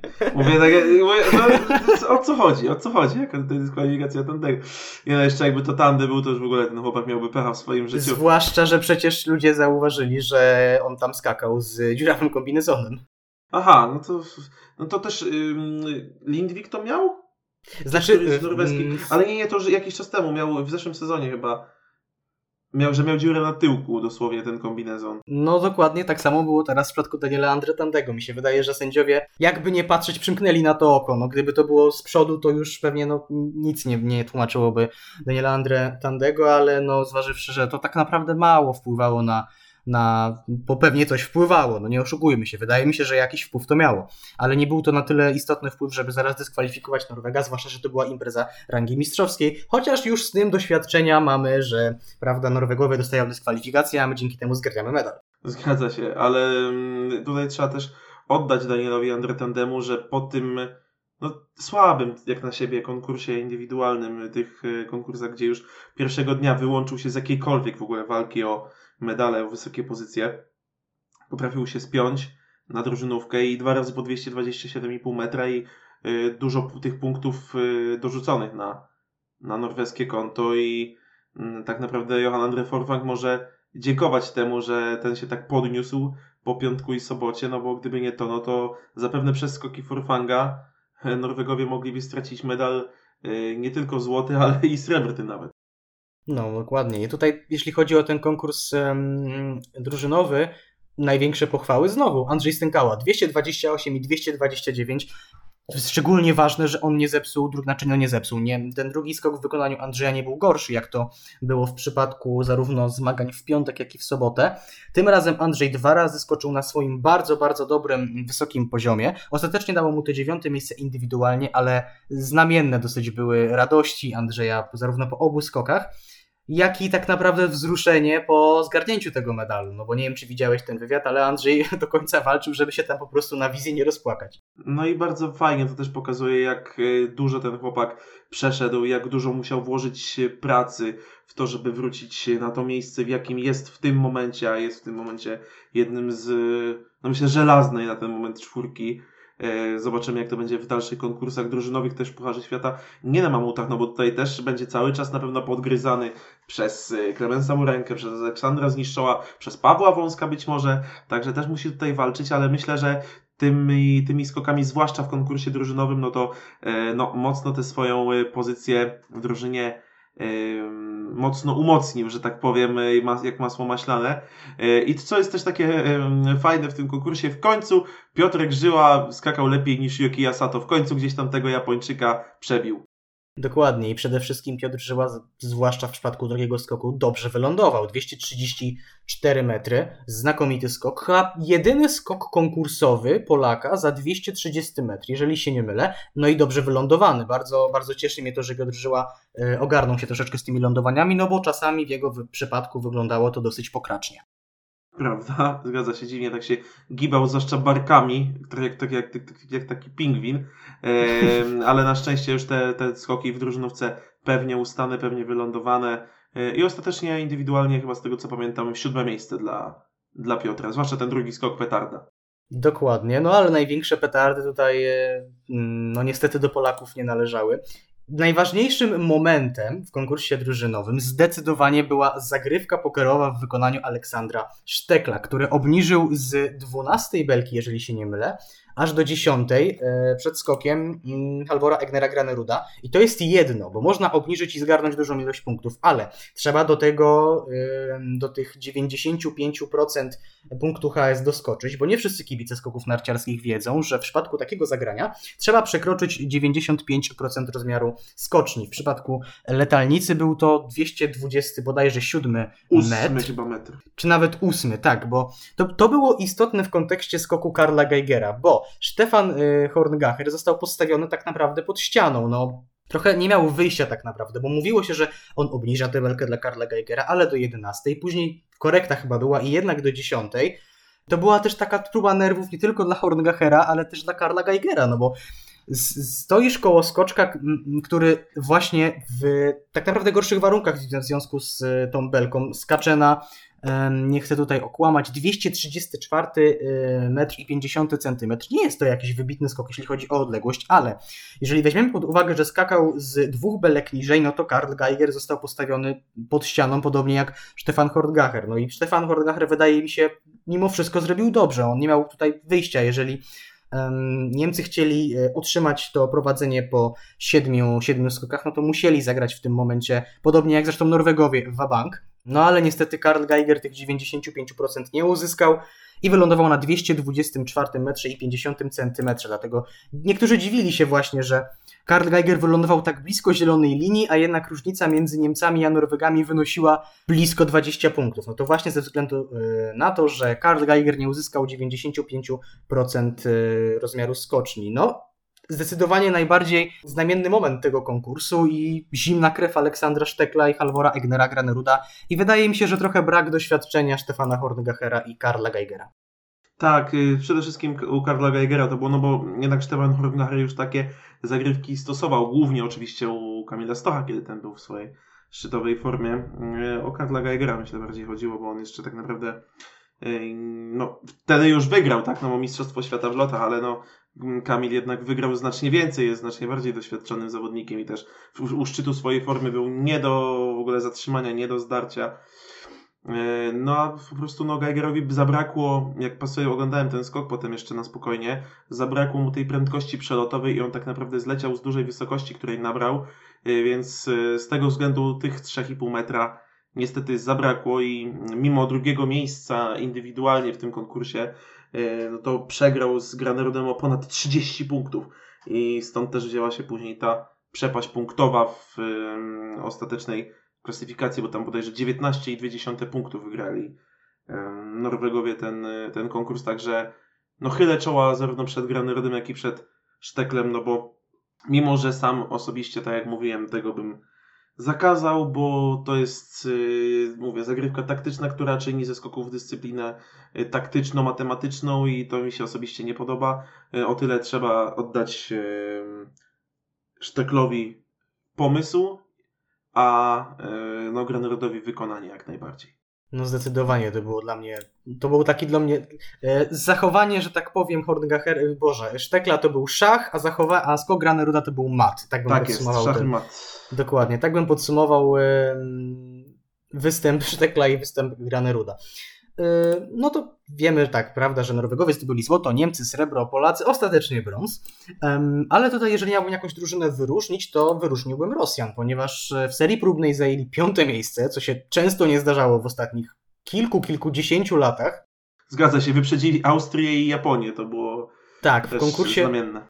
W konkursie było już gorzej siódme miejsce, ale to wcale nie było tak, że oni jakoś bardzo, bardzo odstawali. No co prawda tutaj Kachofer zepsuł Austriakom troszeczkę sytuację, no nie da się ukryć, ale mimo wszystko e, zarówno Ilja Mańkow, jak i Daniel Sadriejew e, prezentowali się dosyć solidnie na swoim poziomie. No słabiej zaprezentował się Michał Nazarow, który jako jedyny oprócz Klimowa dostał się do drugiej, trzeciej i czwartej serii konkursu indywidualnego ale naprawdę chylę czoła przed tymi dwoma siedemnastolatkami i wróżę im wielką przyszłość. A jeszcze taka propos Adryjewa, to wydaje mi się, że jakiś rekord chyba pobił wybicia z progu, ponieważ zanotowano mu aż 161 stopni y, kąt, kiedy odbijał się z progu. Stra... No, to jest trochę kasus Piotra Żyły, który yy, parokrotnie mu się zdarzało nawet w zeszłym sezonie po prostu wybijać się z progu za wcześnie. Za wcześnie, tak, zgadza się. I to też, co jest też znamienne, dlaczego Rosja mogła być tak nisko żaden z zawodników nie zdołał w obydwu próbach e, przekroczyć 200 metra, nawet Jewgenij Klimow. Tak, wydaje mi się, że niestety, ale Jewgenij Klimow tutaj troszeczkę zepsuł im sytuację, bo jak najbardziej ci Austriacy byli w tej dyspozycji i w przypadku zepsucia skoku mm, Timona Pascala Kachofera do łyknięcia.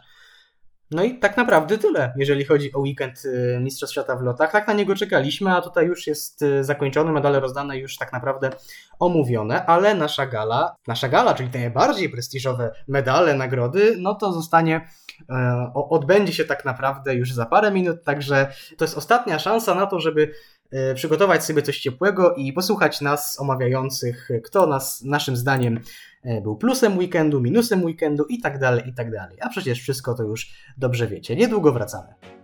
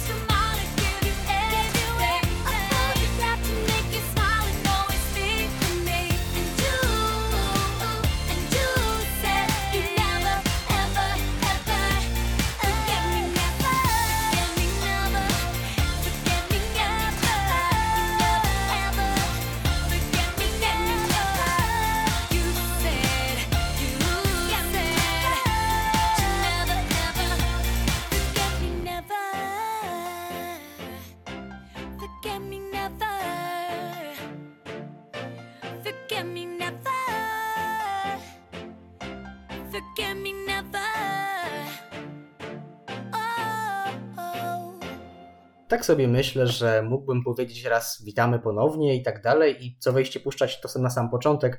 Słyszymy się ponownie w Telemarku, w którym nadszedł czas przyznać na gali weekendu nasze niezwykle prestiżowe nagrody. No i standardowo na pierwszy ogień idą dzbany i kozaki, albo kozaki i dzbany, nazywajcie to sobie jak chcecie.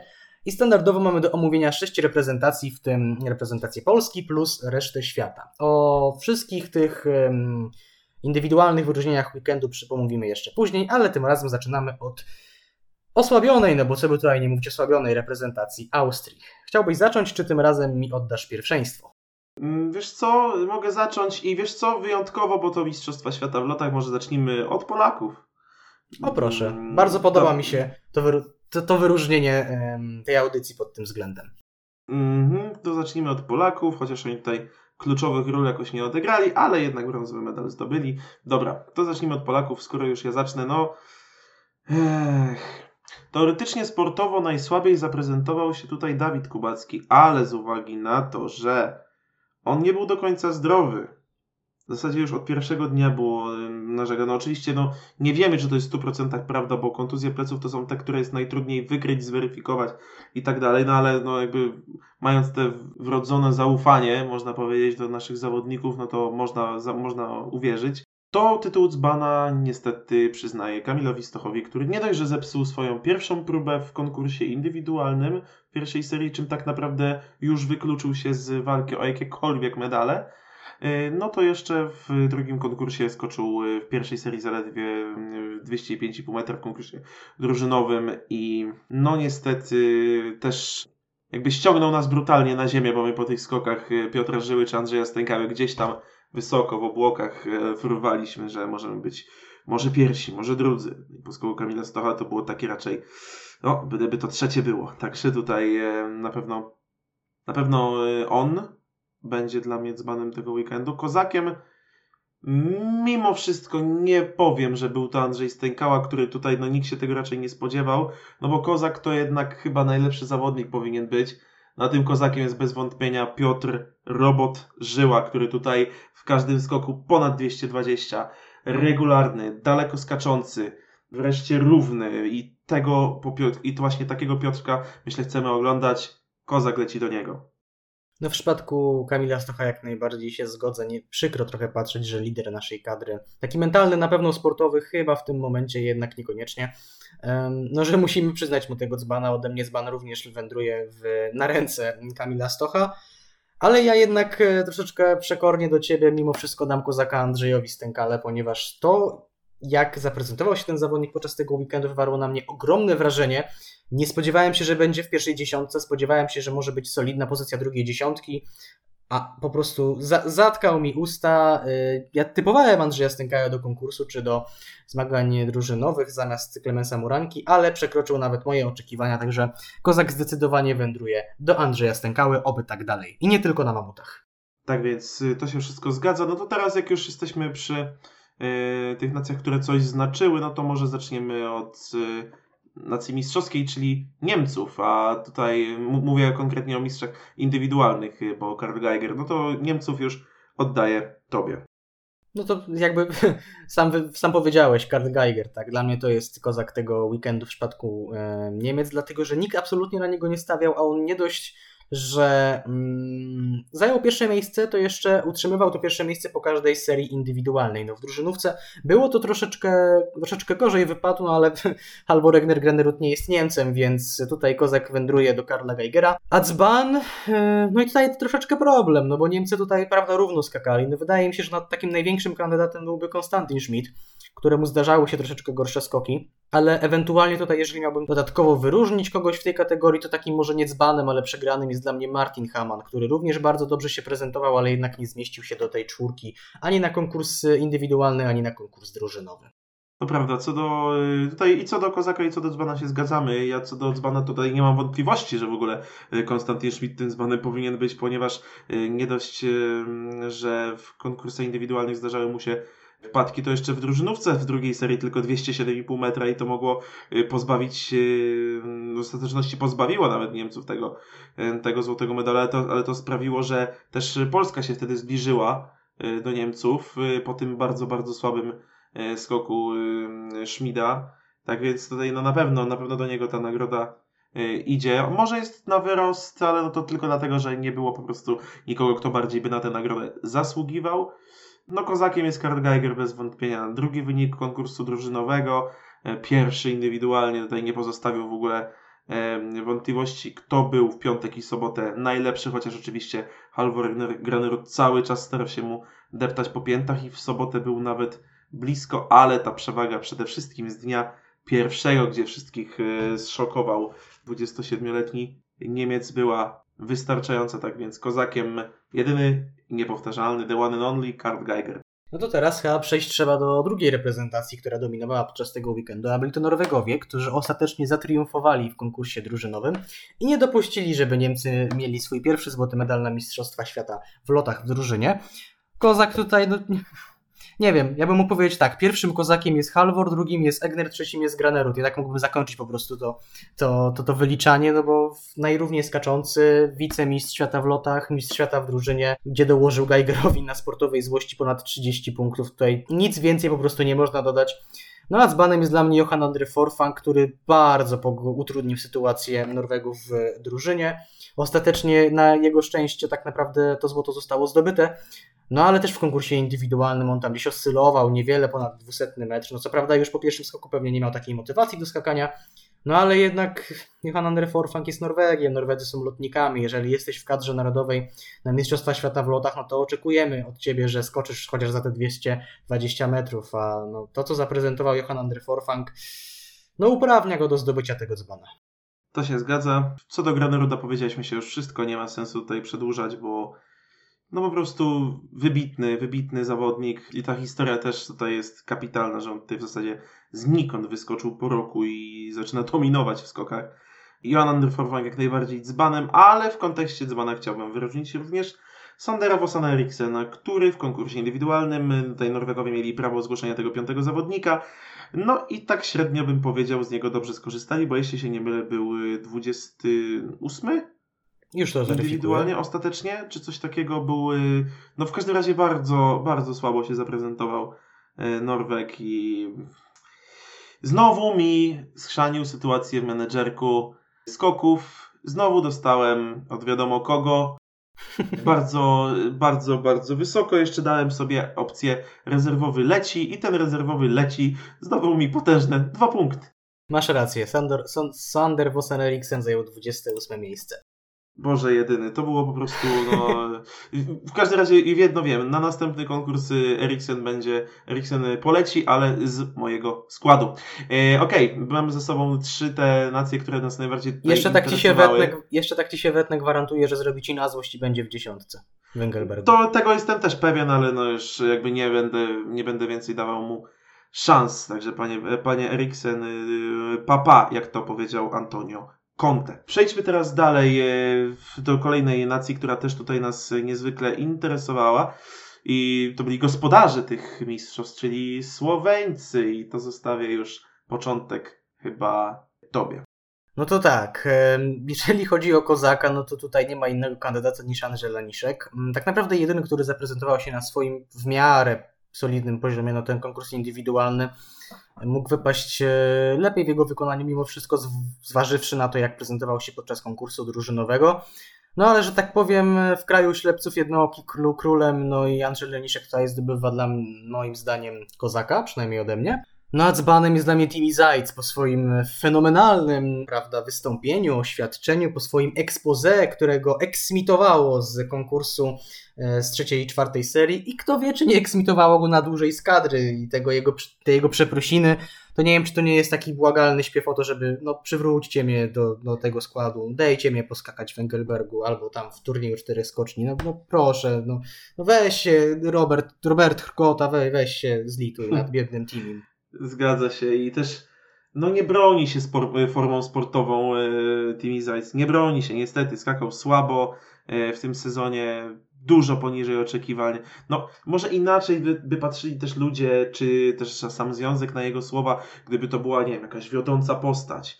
No właśnie, człowiek, bo ludzie człowiek, mówili... który tutaj decyduje o, o losach wszystkich konkursów na skoczni. Tu jest w dziesiątce, tu jest w trójce, tu jest w piątce. Tutaj, e, nie wiem, prowadzi na przykład i jest, jest takim liderem tej drużyny prawdziwym. A on tutaj tak naprawdę ani przez moment nie sprawiał wrażenia e, lidera ani mentalnego, ani sportowego, a potem wyskakuje z czymś takim, no to czego on się spodziewał? No właśnie tutaj ludzie dziwili się, że z tym wystąpieniem to nie, nie wyskoczył Peter Preutz, który jest takim mentalnym liderem tej drużyny, a Peter Preutz z kolei skrytykował Timiego Zajca, więc to chyba wiele mówi o tym, czy ta nagroda dzbana z usłoweńców jest słuszna.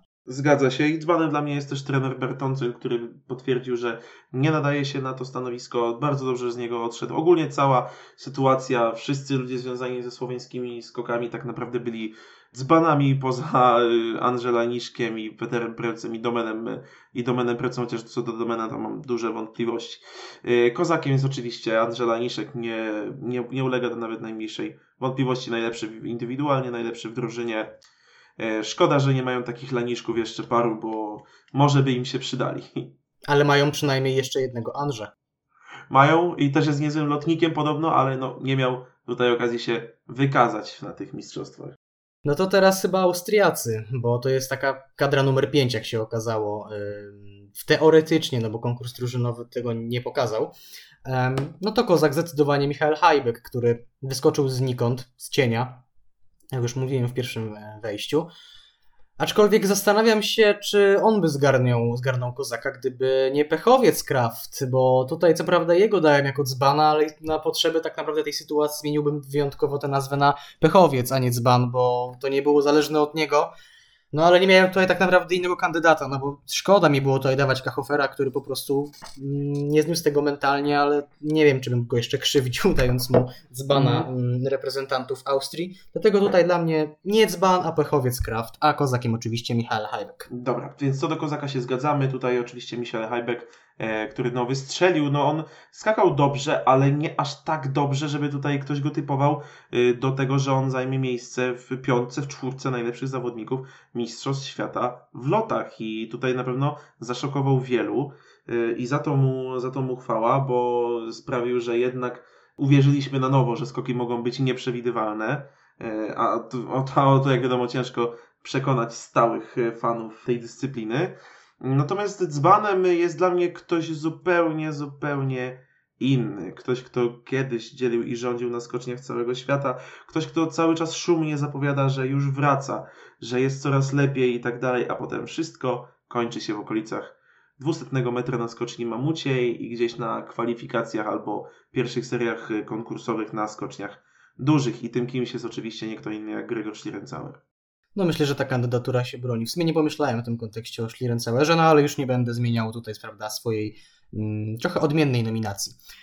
No to zostali nam Japończycy. Jeśli chodzi o Kozaka, no to znowu nie mamy innego kandydata niż Yuki Sato i zaskoczył mnie tak naprawdę Japończyk, bo on chyba nie był uważany za lotnika, ale swoją formą się jako taką obronił, co prawda raczej nie miał szans wielkich medalowych, no ale jednak skakał daleko, no a ty wiesz najlepiej, że ja go tutaj nie typowałem do dziesiątki, no do dziesiątki może, ale nie typowałem go, że będzie tak daleko latał i że utrzyma swoją, swoją dyspozycję.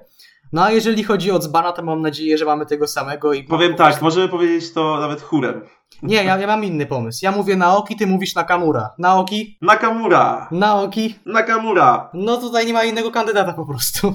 No nie, nie ma, nie ma innej możliwości. No, co prawda w drużynówce zajął 29 miejsce, ale na 32 skoczków. Także cóż, cóż można powiedzieć, indywidualnie miejsce 35, chociaż wcześniej skakał nie najgorzej, ale no ja nie wiem, co on robi w tej kadrze, jak mam być szczery. No, no, no po prostu tego nie rozumiem, czemu Junshiro Kobayashi nie skakał w tej drużynówce. Masz jakieś informacje, czy jakaś kontuzja, czy co? Bo, nie mam bo, żadnych nie informacji, wiem. ale mam informację na przykład taką, że to tak, tak przypadkowo wtrącę w tym momencie, że na ostatnich zawodach rozgrywanych w, Japo w Japonii najlepszym zawodnikiem był Yuken Iwasa i to tak z niemałą przewagą. No więc właśnie, tak tylko można powiedzieć, że no dlaczego ten Yuken Iwasa nie skacze, skacze Nakamura, nie wiem. Choć się domyślam. Tak, trener Tomohori Yokohama tutaj, nie wiem, tam jest tak zabetonowany podobno y, ten, ten, ten skład japoński, że tutaj nie ma co prędko oczekiwać jakichkolwiek, jakichkolwiek zmian i tak to, że odsunęli Noriakiego Kasajego, który, no umówmy się, w ostatnich miesiącach, czy nawet tam dwóch latach, to, to w sumie się bardziej kompromitował niż, e, niż e, skakał na nartach w istocie. E, dopiero niedawno udało się go odstawić od tej kadry, no to tutaj ten Nakamura jeszcze musi pewnie trochę się pokompromitować, żeby dano szansę komukolwiek innemu. Natomiast no, kozakiem u mnie jest jak najbardziej Yukiya Sato, który tutaj no nikt się nie spodziewał dalekich lotów po nim. E, na szczęście, za chwilę powiem na dlaczego na szczęście, zarówno w konkursach indywidualnych, jak i w konkursie drużynowym, w indywidualnym, że tak powiem, wyniku w pierwszej dziesiątce. A na szczęście dlatego, że nie wyrzuciłem go ze swojego menedżerka, dałem mu szansę i tutaj akurat Japończyk 24-letni mnie nie zawiódł. Nie posłuchałeś moich e, zwodniczych rad. Chociaż raz i chociaż raz jestem dumny z własnych decyzji. To jest niebywałe. Tak, gratuluję Ci zdobycia. I, idą, święta, idą święta, więc magia świąt działała, zacząłem podejmować mądre decyzje. no może za wyjątkiem Eriksena. No to, to został nam, został nam, zostali nam reprezentanci reszty świata. Jeżeli chodzi o Kozaka, to tutaj myślałem nad Klimowem, ale jednak chciałbym wyróżnić Giovanniego Brezadole, który mm, po swoim weekendzie w Kusamo, albo to był Niżny Tagi, już nie pamiętam, po zdobyciu punktów, pokazał, że tak naprawdę to może nie być jednorazowy wyskok, a na lotach prezentował się całkiem dobrze jak na Włocha, przede wszystkim lepiej niż Alexinsam, uznawany za największego, yy, największy talent. No talent to mm, ma 20 chyba 4 albo 5 lat Alexinsam, więc po prostu najlepszego skoczka we Włoszech. Giovanni 23 Brazadola... chyba, bo jest chyba 97. Jeszcze lepiej. No to Giovanni Brazadola pokazał mu w tym momencie miejsce w szeregu i dosyć regularnie w okolicy tego 200 metra lądował, dlatego Kozak ląduje tutaj do Giovanniego Brazadoli. A jeżeli chodzi o dzban, no to Jewchen Marusiak, który osiągnął podczas już nie, nie, nie mówię, że treningu czy konkursu, podczas całego weekendu zawrotne trzy odległości 105, 124 i 129 metrów. W takim tempie, w jakimś 20 skoku może doskoczy do punktu K. Może. Przyznam szczerze, że wątpię. Jak to się mówi, przypuszczam, że wątpię. No tak to wygląda. Marusiak no jest po prostu no, to jest słaby zawodnik. No.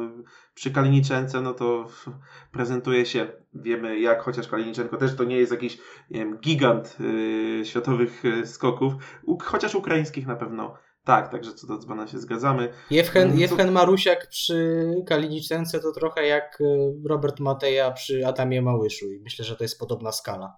Myślę, że nawet nie Robert Mateja. Myślę, że to jest yy, tak jak przy Adamie Małyszu Krzysztof Styrczula. Może co starsi słuchacze pamiętają tego zawodnika. Słuchaj, Jeśli nie wiesz o czym słuchaj. mówię, to jest to, to jest to zawodnik, który w Pucharze, Pucharze Świata wystąpił w jednym konkursie w Pucharze Świata w Zakopanem i był tam 50. Słuchaj, sam fakt, że nie kojarzę tego nazwiska wiele o tym mówi. tak, ja tutaj przytoczę, mówię, jak ktoś nie wie. Raz był w Pucharze Świata w Zakopanem, 50. miejsce, nigdy więcej go nie ujrzeliśmy na skoczniach Pucharu Pucharu Świata. E, co do e, Kozaka, no myślę, że też bym tutaj, można by było wyróżnić oczywiście Klimowa, którego nikt się nie spodziewał tak wysoko w rywalizacji indywidualnej. I dobra, wyróżnię go i e, dam jakby egzekwu właśnie z Giovannim Bresadolą na tych, jako tych dwóch kozaków z reszty świata i takie no mini, mini wyróżnionko też dla Matthew Soukupa, który jest, był w pierwszej 30, a no nikt się raczej tego nie spodziewał. No myślę, że wszystkie te kandydatury w pewnym sensie się bronią. Dobra, czas więc przejść do naszych e, Oscarów weekendu. Nie wiem jak to już nazywać tak naprawdę, no ale przejdźmy do meritum po prostu. Skok weekendu. Halvor Regner, Granerud, niedziel, niedziela, drużynówka, druga seria. Pokerowa zagrywka Sztekla oczywiście, ale Granerud wytrzymał to. E, przy niskiej belce tak naprawdę skoczył, powiedzieć, że skoczył rewelacyjnie, to jak nic nie powiedzieć. Zgadza się, ta kandydatura jak najbardziej się broni, bo tutaj obciążenia psychiczne były bardzo duże, ale ja z uwagi na fakt, jak mało oglądaliśmy tych takich niebotycznie dalekich lotów, jak mało było tych lotów powyżej 240 metra, wybrałem właśnie ten niebotyczny skok bodajże z drugiej serii konkursu, yy, czwartej serii już w zasadzie konkursu indywidualnego, czyli z soboty. Markus Eisenbichler 247 metrów. Fantastycznie się oglądało ten lot yy, Niemca i przy tym właśnie deficycie tak dalekich skoków pozwoliłem sobie wybrać ten właśnie. Jeżeli chodzi o zaskoczenie weekendu, tutaj dla mnie, tu już zdecydowanie zasługuje na nie Jewgenij Klimów. Tak starałem się dobierać te nagrody, żeby jak raczej, żeby wyróżnić jak największą ilość skoczków, żeby jak powiedzmy Bryzadora dostał Kozaka w reszcie świata, no to zaskoczenie weekendu dałem Klimowowi. Nie wiem jak u Ciebie. Mhm, jasne. U mnie zaskoczenie weekendu jest, no, mm, tak myślałem, że to może być tylko jedna kandydatura, jest to Andrzej Stękała. No we wszystkich skokach był w dziesiątce, mm, w konkursach indywidualnych, w konkursie drużynowym. Nikt kompletnie nie mógł się tego spodziewać, że on będzie tutaj tak wysokie miejsca zajmował. Y, I o ile wiedzieliśmy, że u Andrzeja nastąpiło pewne swego rodzaju przebudzenie mocy, tak nazwijmy nomenklaturą Gwiezdnych Wojen, o tyle no, nikt nie, nie mógł spodziewać się, że będzie aż tak dobrze u niego. E, dlatego to, to zaskoczenie weekendu wędruje w jego ręce i panie Andrzeju, chcemy wincy. Ja nie chcę nic mówić, mam, mam nadzieję, że tak się nie stanie i najwyżej jak coś to wszyscy kibice będą mogli mnie oczerniać, ale Andrzej Stękała do końca tego sezonu będzie miał podium w zawodach Pucharu Świata. Bardzo bym tego chciał, mam nadzieję, że nie rzuciłeś tak zwanego zaklęcia wiedzy. mam nadzieję, że nie. No to, to czas na zawód weekendu i tutaj też miałem mały problem, ale ostatecznie zdecydowałem się na może nie wychwalanego przed Mistrzostwami Świata w lotach przeze mnie, ale tak zwracałem na niego uwagę, że on może być w tej dziesiątce Domen Preutz. Policzyłem sobie nawet w ilu skokach on przekroczył w ogóle 220 metr. I teraz tak, oddał 11 skoków i możesz zgadywać, ilu skokach udało mu się przekroczyć 220 metr.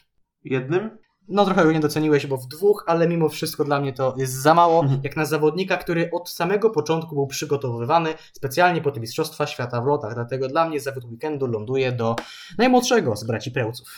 Więc tak, ja miałem tutaj olbrzymi kłopot, żeby się zdecydować na to, co jest dla mnie zawodem weekendu i te zawody są tak naprawdę trzy i było mi ciężko zdecydować. Pierwszym zawodem jest e, bardzo niskie miejsce Austriaków, no przez to, co przede wszystkim stało się z Timonem Pascalem Kachoferem, ale także no, bez szału skakał czy Filipa Schenwald, czy y, Gregor Schlierenzauer, to nie były jakieś dobre skoki. Tak naprawdę tylko Michel Heiberg skakał na swoim wysokim, stabilnym, równym poziomie i on ich tutaj wywindował. Y, ale i tak było to miejsce niskie, więc to jest zawód na pewno. Drugi zawód to jest, to już są indywidualne jakby wyróżnienia. To jest Kamil Stoch, który no myślę zawiódł i w drużynie, i indywidualnie, całościowo, y, bo tutaj wszyscy, mm, myślę, polscy kibice spodziewali się, że on włączy się do walki o medale i mieli tu na myśli medale indywidualne, a nie drużynowe. Więc na pewno jest to zawód. No i trzeci zawód to jest y, broniący tytułu Daniel Andre Tande, który nie zmieścił się nawet w czołowej dziesiątce i wydaje mi się, że on sam też jest mocno zawiedziony. Mieliśmy dużo zawodów, tak naprawdę, co potwierdziłeś zresztą teraz, a ja mimo wszystko miałem problem z wyborem takiego jednego konkretnego. No, zdecydowałem się na domenę ostatecznie. Jeżeli chodzi o wpadkę weekendu, to ja może tutaj po, po prostu powiem, jak zapisałem sobie tę wpadkę i resztę oddam tobie. Słoweńska czwórka bez sternika. Właśnie, właśnie napisałem sobie, jak ja z kolei zapisałem wpadkę weekendu, sytuacja w Słowenii. Cała sytuacja, która jest y, w Słowenii, czyli zachowanie Zajca, zachowanie Bertoncellia, zachowanie związku, poszczególnych zawodników, y, ludzi związanych ze skokami. No to jest generalnie, mm, nazwałbym to raczej może nie tyle wpadką, co na pewno cyrkiem, czy też inbą, jak to mówi młodzież, weekendu. Zastanawiam się, czy by nie zmienić po prostu nazwy tej kategorii na żenada weekendu, bo to się jak najbardziej wpisuje w tę kategorię. To na pewno. Ta, ta sytuacja była po prostu no, niespodziewana, żenująca i myślę, że będą się z niej długo, mówiąc kolokwialnie, skrobać Słoweńcy, być może nawet do końca sezonu. Jeżeli miałbym porównać tę sytuację do futbolowych zmagań, to to jest trochę tak jakby zwolnić trenera w przerwie meczu, ale to tylko taka dygresja. No tak, albo, albo zawodnik schodzi i nikt za niego nie wchodzi ostatecznie. Albo nie, albo próbują, wiesz, próbuje drużyna y, dopuścić się do rywalizacji zawodnika, który jest wykartkowany. No, hashtag Legia Warszawa, pozdrawiam. Wiedziałem, że o tym wspomniesz. No to czas na skoczkę weekendu i mimo wszystko, mimo wszystko, że Halvor Egner Granerud, który, którego, tak mi się wydaje, ty wybierzesz, tutaj no, mimo wszystko zdominował te zawody, zwłaszcza pokazał to, z jaką przewagą wygrałby konkurs drużynowy, gdyby był konkursem indywidualnym. To dla mnie skoczkiem weekendu jest Karl Geiger, który pojawił się podobnie zresztą jak Karl Heibeck, tylko że trochę jakby inna skala było, była tego objawienia. No, Niemiec pojawił się trochę znikąd, y, prowadził przez wszystkie cztery serie, zdobył złoto indywidualne i dla mnie on jest skoczkiem tego weekendu. Zaskoczę Cię, ponieważ tutaj się zgadzamy. Dla mnie skoczkiem weekendu jest Karl Geiger, bo po prostu został mistrzem świata indywidualnym, więc nie mogłem wybrać y, nikogo innego. Drużynówka to jest drużynówka. Najważniejsze rzeczy dzieją się w konkursach indywidualnych. Tam trzeba mieć żelazną psychikę, tam nie wolno popełnić nawet pół błędu, a mam wrażenie, że nieco w tej pierwszej próbie piątkowej można coś Granerudowi zarzucić, że mógł zrobić więcej, że gdyby w tamtej próbie zrobił więcej, najprawdopodobniej z Geigerem mistrza, mistrzostwo by wygrał, ukradłby mu sprzed nosa to Mistrzostwo Świata. Było za krótko, Karl Geiger z tego skrzętnie skorzystał, e, skacząc bardzo równo przez e, wszystkie cztery serie. Tak naprawdę to, o czym mówię, czyli wziął się w sumie znikąd, bo przyjechał po nieobecności z Niemiec, gdzie jego żona miała urodzić. Ostatecznie urodziła dopiero teraz. No ale to też widać, że ta sytuacja go zmobilizowała do tego, żeby tutaj jak najdalej skakał. Ja się troszkę śmiałem, że po prostu Karl Geiger jest tak szczęśliwy i tak uskrzydlony tym, że to są ostatnie dni, kiedy nie będzie musiał e, zmieniać brudnych pieluch i może się wysypiać, że po prostu no, na, tej, na kanwie tej radości yy, pofrunął najdalej i zdobył indywidualne Mistrzostwo Świata w lotach. Niedługo będzie tak, że będziesz zajmował całe podium komentarzy audycji. Tak się nie mogliśmy doczekać tych Mistrzostw Świata w lotach, a w tym momencie definitywnie zakończyliśmy ich wątek w naszej audycji. Po przerwie w naszym ostatnim wejściu zajmiemy się rozmową o nadchodzących zawodach w szwajcarskim Engelbergu, a także poruszymy kilka pobocznych newsów z ostatniego tygodnia. Jak już mówiłem wcześniej, to teraz mówię jeszcze raz. To jest tym razem ostatnia szansa na zapaszenie sobie kawy, herbaty lub czego tam chcecie.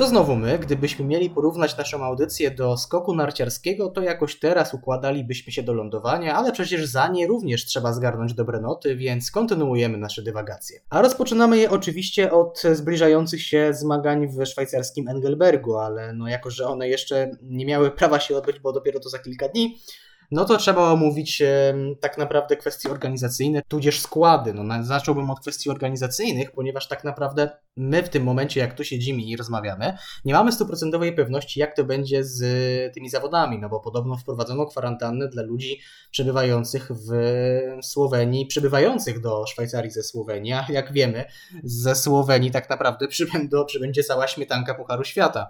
Mało kto tak naprawdę w tej Słowenii teraz nie był. Więc troszeczkę tutaj nie mamy pewności. Zresztą sam Adrian, z tego co ty mi mówiłeś, to nie wiedziałeś w ogóle, jaka kadra wystartuje Norwegów, jeśli chodzi o Szwajcarię. No podobno wystartuje cała kadra A, ale no troszeczkę budzi to niepewność, jeżeli chodzi o, o poszczególne składy, chociaż parę sobie wynotowałem. Zgadza się, bo po prostu były doniesienia wcześniej, że są pewne przepisy w Norwegii, które tam nakazują im po prostu po takich zawodach e, wrócić na kwarantannę, więc e, wychodziłoby z tego, że Norwegowie do Engelbergu w najsilniejszym składzie nie pojadą, ale jednak wbrew tym jakby doniesieniom teraz pojawiła się informacja, że w najmocniejszym składzie pojadą oni do Engelbergu na Grostitli Szance i jeszcze dołączy do nich Mariusz Lindwik, który te mistrzostwa w lotach odpuścił. No jestem niezmiernie ciekawy, jak będzie prezentował się Lindwik właśnie po odpuszczeniu tych lotów, czy wreszcie nabierze tej pewności. Zobaczymy, przekonamy się już tak naprawdę za kilka dni. Jeżeli Właśnie jeszcze, o... jeszcze jedna informacja a propos Engelbergu, bo mówiliśmy tutaj wcześniej o notach sędziowskich i tak dalej, bo ten temat już y, poruszaliśmy dzisiaj, y, temat skandalicznych not za styl. Y, dzisiaj jest dokładnie 19. rocznica Adam Buchholz wrzucił tweeta ze skijumping.pl, e, wrzucił e, tweeta, e, że dzisiaj jest dokładnie 19. rocznica tego, kiedy Adam Małysz właśnie w Engelbergu latał najdalej, ale przez zaniżone noty, skandalicznie zaniżone noty przez sędziów, był dopiero czwarty. I tak naprawdę te noty wtedy wyrzuciły go z podium, gdzie on powinien ten konkurs wygrać. Tak naprawdę ostatecznie e, Stefan Hocke e, wtedy zgarnął swoje debiutanckie zwycięstwo, zaledwie 18-letni wtedy. E, drugi był Sven Hannawald, trzeci Matti Hautamäki, a za plecami za plecami Polaka byli Martin Helwart, nie wiem czy jeszcze niektórzy nasi słuchacze pamiętają. I szósty, cudowne, szóste było cudowne dziecko amerykańskich skoków, czyli Alan Alborn. No i dzisiaj właśnie, właśnie jest 19. rocznica tego wydarzenia. Cieszę się, że jesteś takim naszym e, kalendarium. Jeżeli chodzi o zawody w Engelbergu, mm, jeżeli chodzi o Polaków w kontekście Engelbergu, no to wysyłamy tam, wydaje mi się, najbardziej pewną, najlepszą szóstkę w postaci Kubackiego, Murańki, Stękały, Stocha, Zniszczoła i Żyły. Paweł Wąsek musi walczyć w Pucharze Kontynentalnym o, wydaje mi się, raczej nie zastąpienie któregoś z tej szóstki, tylko o wywalczenie siódmego miejsca, które uprawniałoby go do startu w turnieju czterech skoczni. Znaczy tak wydaje mi się, że jego. No, nielogiczne byłoby posyłanie tam na przykład Tomasza Pilcha, kiedy to Paweł Wąsek y, wywalczy to siódme miejsce, które uprawniałoby naszego siódmego zawodnika do startu zarówno w turnieju czterech skoczni, ale także w Tytize Neustadt, gdzie, czego nie wiedziałem. Spodziewałem się, że ten czwarty, czwarty, czwarty period uprawnia tylko do startu w turnieju czterech skoczni. Jak się okazuje, e, nie, jak się okazuje, Tytize Neustadt również jest objęte tym czwartym periodem. No i szczerze Ci powiem, jeżeli nie będziemy mieli tego siódmego miejsca na turniej czterech skoczni, później na niemieckie zawody, to uznam to za spory zawód, bo mamy w takiej dyspozycji Pawła Wąska, że przynajmniej jedno podium w Kusamo albo w Engelbergu, bo jak się okazuje właśnie mm, zawody e, w dwóch miejscach będą obejmować ten trzeci period Pucharu Kontynentalnego, nie tylko w Kusamo, e, więc wydaje mi się, że jedno podium może wystarczyć do bycia w tym top 3, a dwa to moim zdaniem już na pewno i Paweł Wąsek jak najbardziej jest w stanie to zrobić. Też tak uważam i ogólnie... Mm też yy, chciałem powiedzieć, że żeby nie było takiej sytuacji, że ktoś inny wywalczy nam to siódme miejsce, a potem ktoś inny na to siódme miejsce wskoczy. Takie sytuacje też czasami miały miejsce, ale no tutaj nie. Jeżeli ktoś nam to, to siódme miejsce wywalczy, to powinna to być ta osoba, niezależnie od tego, czy będzie to Paweł Wąsek, czy będzie to Tomek Pil, czy nie wiem, Adam Małysz. No, no nieważne kto to będzie, ta osoba, która wywalczy to, yy, to nasze to siódme miejsce dla nas tym podium musi jechać na turniej czterech skoczni. Takie jest moje zdanie. No to jeszcze poruszmy przy okazji skład na Puchar Kontynentalny wrócę, bo to też zostało opublikowane. Jedziemy tam w piątkę. Stefan Hula, Maciej Kot, Tomasz Pilch, Paweł Wąsek i Jakub Wolny. I podobno z tego, co mówił Maciej Maciusiak, to najlepszy na treningach. No wiadomo, jak te treningi wyglądają, to na treningach jedno, a w konkursie drugie, ale podobno najlepszy był Stefan Hula, w co trochę ciężko mi jest uwierzyć. I powiem szczerze, jeśli Stefan Hula był najlepszy, to napawa mnie to troszkę pesymizmem, jak mam być szczery. Bo Stefan zdaje się, że pewnego poziomu już nie przeskoczy, a jeśli on pewnego poziomu nie przeskoczy, więc skakał na takim, powiedzmy, przyzwoitym maksymalnie poziomie, no to jak skakała cała reszta, skoro on był najlepszy? Mam nadzieję się nie zawieść po tym e, weekendzie w e, Kusamo. Jeżeli chodzi o inne składy na szwajcarski Engelberg, to tutaj wynotowałem sobie na przykład Słoweńców, którzy po rewolucji kadrowej, tak naprawdę przeszli trochę teraz rewolucję kadrową, bo w składzie nie zmieścili się na przykład Giga Jelar, w składzie nie zmieścił się, co jest niesamowitym zaskoczeniem, Timi Zajc, no i do składu wraca m.in. Tilen Bartul, którego nie widzieliśmy na Mistrzostwach Świata w lotach w Planicy. A wspomnianą dwójkę wcześniej zastąpi Rock Justin, czyli specjalista od skoczni normalnych, a także Chene Preut, czyli chyba najlepszy z przedskoczków, e, jeżeli chodzi o Mistrzostwa Świata w lotach w Planicy. Tak, to prawda. Tutaj pozdrawiam z tego miejsca Dawida a Melona Melnyczaka, czyli tego, mm, który założył podcast y, Bez Nart Ani Róż bo on jest tutaj wielkim fanem talentu e, Roka Justina, którego pieszczotliwie nazywa Rokiem Justinem. Bardzo lubiany jest przez niego, bardzo zwłaszcza lubi jak ten Słoweniec klepie bóle. Czyli czy to jest, czy tak... to jest przypadek e, tak jak u Ciebie z Naokim Nakamurą? Albo mm -hmm, Tak, dokładnie tak, dokładnie tak. Największy fan talentu Roka Justina. Wy tam wszyscy, musicie, tak, wy tam wszyscy musicie Słoweńców lubić. Tak, tak, tak, to się zgadza, więc tutaj będę chyba na tych audycjach y, tego zawodnika nazywał po prostu Rokiem Justinem, bo tutaj to brzmi bardziej niepoważnie. E, chociaż y, z tego co pamiętam, on w zeszłym sezonie chyba w Waldifieme punkty miał. E, ja to nawet no, kojarzę, że on był blisko dziesiątki na skoczni normalnej którejś. No to chyba ta, a może w Rasznowie? Nie wiem, no w każdym razie tam chyba tylko były zawody na normalnych w Waldifieme, też, bo były przeniesione ze względów... Zgadza się, no to jest zawodnik 27-letni, który, no umówmy się, no, nie będzie jakimś wybitnym zawodnikiem nigdy, chyba, że nie wiem, no, nie wiem, nie przypominam sobie skoczka, który chyba w, w takim wieku dopiero zaczynałby skakać na jakimś tam dobrym poziomie. Wszyscy jakoś dawali jakieś symptomy wcześniej. Jan Matura. E, no, no dobra, Jan Matura to się zgadza tutaj, no on tutaj E, jest tym e, wyjątkiem od reguły, można tak Stefan powiedzieć. Hula. No tak, ale Stefan Hula no jednak niczego nie, nie wygrał, nie był nawet na podium, prawda? A Jan Matura wygrywał konkursy Pucharu Świata i to jest jakby i chyba sezon w dziesiątce skończył, jeśli się, jeśli się Tak, na dziesiątym miejscu. No, więc e, no tutaj to jest jakby wyjątek. Nie sądzę, żeby Rock Justin tutaj cokolwiek mógł, mógł osiągnąć, więc myślę, że dużą dawkę radości nam da. Nie no, śmiejemy się, ale oczywiście też nie spodziewam się po y, tygodniu Justinie, żeby y, tutaj coś osiągnął. Jeszcze chciałem poruszyć temat, że nie będę mógł w przyszłym tygodniu hejtować za niezdobycie punktów Andreasa Wellingera, głównie dlatego, że w Engelbergu nie wystartuje, zastąpi go Dawid Siegel, więc w jakiej tragicznej pozycji, y, dyspozycji musi być Richard Fry, tak to on wie chyba tylko on sam. Tak, to się, to się zgadza, jeśli tak skaczącego Wellingera nie jest w stanie wygryźć Fry, tak wraca Dawid, jak to mówią, Siegel.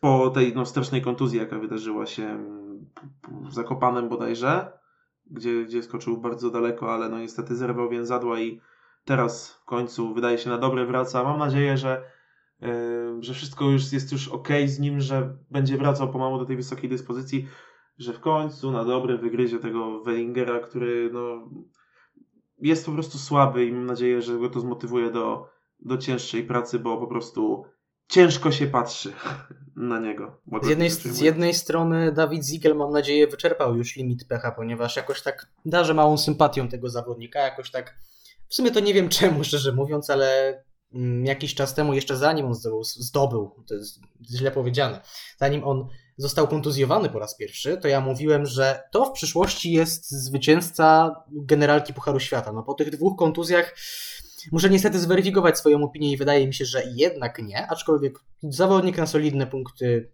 jak najbardziej.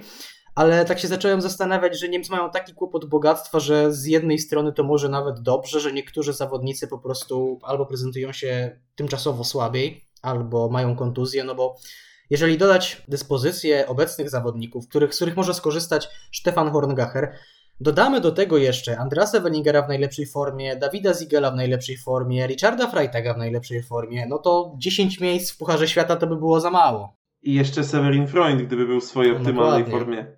To już w ogóle. Niemcy zdominowaliby Puchar Świata na naprawdę, naprawdę długie, długie lata. No ale mają pecha do kontuzji, tutaj trzeba powiedzieć otwarcie. A jeżeli chodzi o inne kadry, chyba, że jeszcze coś chciałbyś dodać? Yy, tak, oczywiście jest to, pech, jest to pech do kontuzji, ale czy aby na pewno? Bo jakby oczywiście można mieć pecha, ale te kontuzje jakby wszystkie skąd się biorą, a to, że jest ich tyle w jednej kadrze, no to skłania do przemyśleń, czy tam aby na pewno wszystko jest w porządku e, ze sztabem medycznym, czy ci zawodnicy na pewno odpowiednio o siebie dbają, czy tam na pewno są dobrze przygotowani, ale to jest myślę temat na zupełnie inny dzień. Tak, jeżeli tutaj chodzi o kolejny skład, to nawet przed chwilą próbowałem odnaleźć, czy jest jakieś może oficjalne stanowisko mm, Związku Austriackiego, jaki oni skład wystawią na Engelberg. Nic takiego nie znalazłem, bo tak naprawdę się szczerze przyznam, że już pogubiłem się w tym, kto może startować, kto nie może startować. Mhm. Ale wydaje mi się, że Stefan Kraft nie wykuruje się na Engelberg, więc jego raczej możemy skreślić. Daniela Hubera moim zdaniem możemy się spodziewać. Możemy pewnie spodziewać się też pozostałych zawodników e, z Mistrzostw Świata w lotach z naciskiem na Aschenwald, Heibeck, Schlierenzauer. I myślę, że pozostałe chyba dwa miejsca uzupełnią właśnie jacyś juniorzy. No, o sprawie juniorów austriackich jeszcze po, wspomnę tutaj trochę później, a propos Fiskapu, ale no nie wiem, ciężko tak naprawdę przewidzieć, kto będzie w tym składzie Austriaków. Chyba, że Fettner pojedzie znowu. Chyba, że może Manuel Fettner. No nie wiem. Jestem w stanie w tym momencie wysnuć opinię, że jest spora szansa, że do końca sezonu będziemy w poszczególnych weekendach oglądać za każdym razem inny skład personalny Austriaków. no tak może być, my się teraz z tego śmiejemy, ale to jest naprawdę, naprawdę e, realne i też to, o czym teraz mówimy naszym słuchaczom, że tutaj będzie taki skład, tu będzie taki skład, to może się wszystko zmienić, bo nie wiem, dzień przed zawodami wyjdzie, że no ktoś tam, wujek, cioci, psa, tego kuzyna miał tutaj COVID i akurat y, tak się złożyło, że y, ta kadra sobie nie przyjedzie. Także... Zwłaszcza, że, zwłaszcza, że my nagrywamy tę audycję we wtorek, ona będzie y, kiedy wysłuchacie tego, drodzy słuchacze, to mamy czwartek, więc przez te tak naprawdę całą środę i większą część czwartku to, to się może okazać, że nie wiem, Słoweńcy się wycofują, Polacy zmieniają połowę składu, bo COVID odpukać i no, nasze te wakacje tutaj mogą być, prawda, Oczywiście, wzbudzać tak. uśmiech. Oczywiście, że tak. I też ta rocznica, o której mówiłem, jest, y, jest dzisiaj, ta, te skrzywdzenia notami Adama Małysza. Dokładnie dzisiaj, czyli 15 e, grudnia, jeśli mm, wysłuchacie tego 17, no to to już jest dzień po tym dniu radosnym, kiedy Adam Małysz już wygrał e, na Grostity z szansę, nie pozostawiając nikomu najmniejszej wątpliwości, kto jest najlepszym skoczkiem świata. Adrian, wróćmy lepiej do skoków, bo matematyka nie jest chyba twoją mocną stroną, ponieważ minęły dwa dni. Ale nie, min, ale nie, nie, nie źle, źle mnie zrozumiałeś. E, dlatego, że minął dzień od tego, kiedy Adam Małysz potwierdził, że jest najlepszy, czyli od dnia, Aha. kiedy wygrał. No to w czyli, takim razie logika nie jest moją mocną stroną, wróćmy proszę do skoków.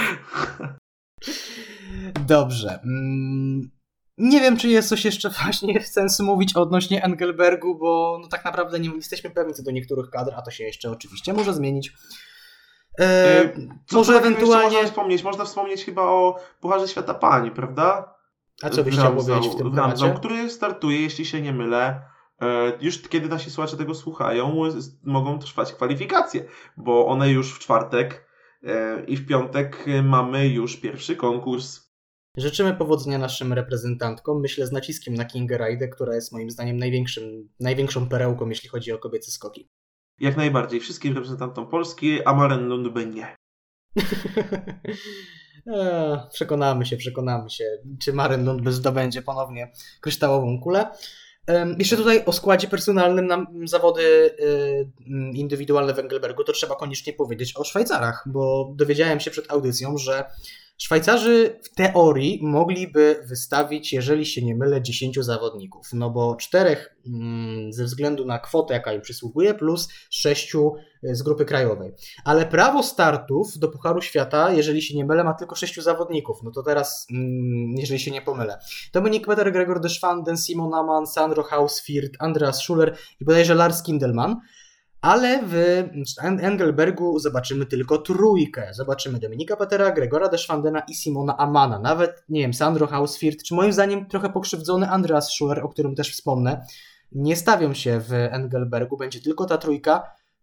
Troszeczkę moim zdaniem zawód, bo spodziewałem się, że chociaż dadzą skoczyć no prawdopodobnie tylko na kwalifikacje, chociaż paru tym zawodnikom, no jak się okazuje nie i będziemy mieli tylko, niestety tylko trzech zawodników e, szwajcarskich na starcie Pucharu Świata w Engelbergu. No, kiedy my narzekaliśmy swego czasu, że w Pols zawodach w Polsce któryś wystawiamy z grupy krajowej tylko trzech zawodników, to była grupa krajowa. Reprezentowało nas wówczas łącznie bodajże 9 albo 10 skoczków, a Szwajcarzy wszystkich skoczków u siebie wystawiają trzech, no to jest to troszeczkę smutne.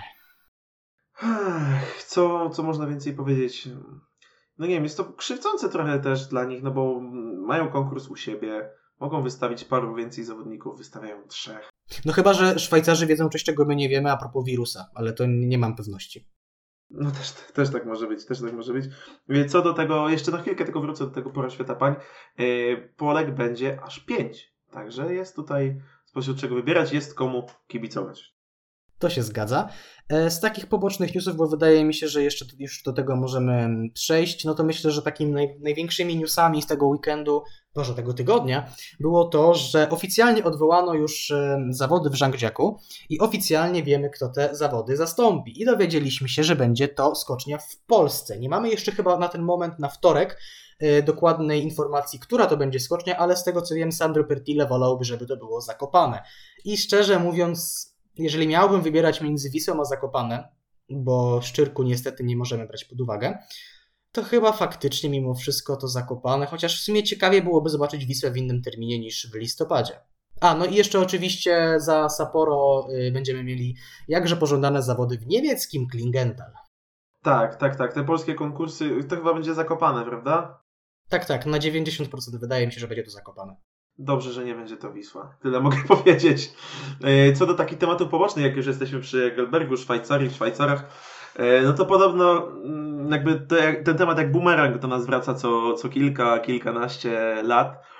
Jakieś nowinki techniczne szykuje Simon Aman. Podobno coś e, z butami znowu. Jakieś, to chyba nie jest, jest pierwsza sytuacja. Duża, duża rezerwa i podobno jakaś tam nowinka się szykuje. To nie jest pierwsza sytuacja w przypadku Simona Amana. Wydaje mi się, że on już sezon temu próbował kombinować z butami, no wyszło to chyba nie najlepiej.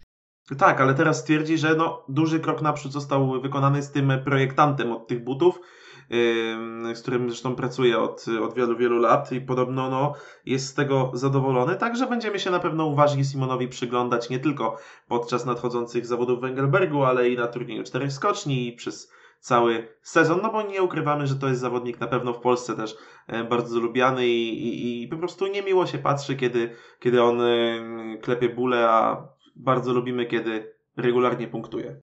To się zgadza.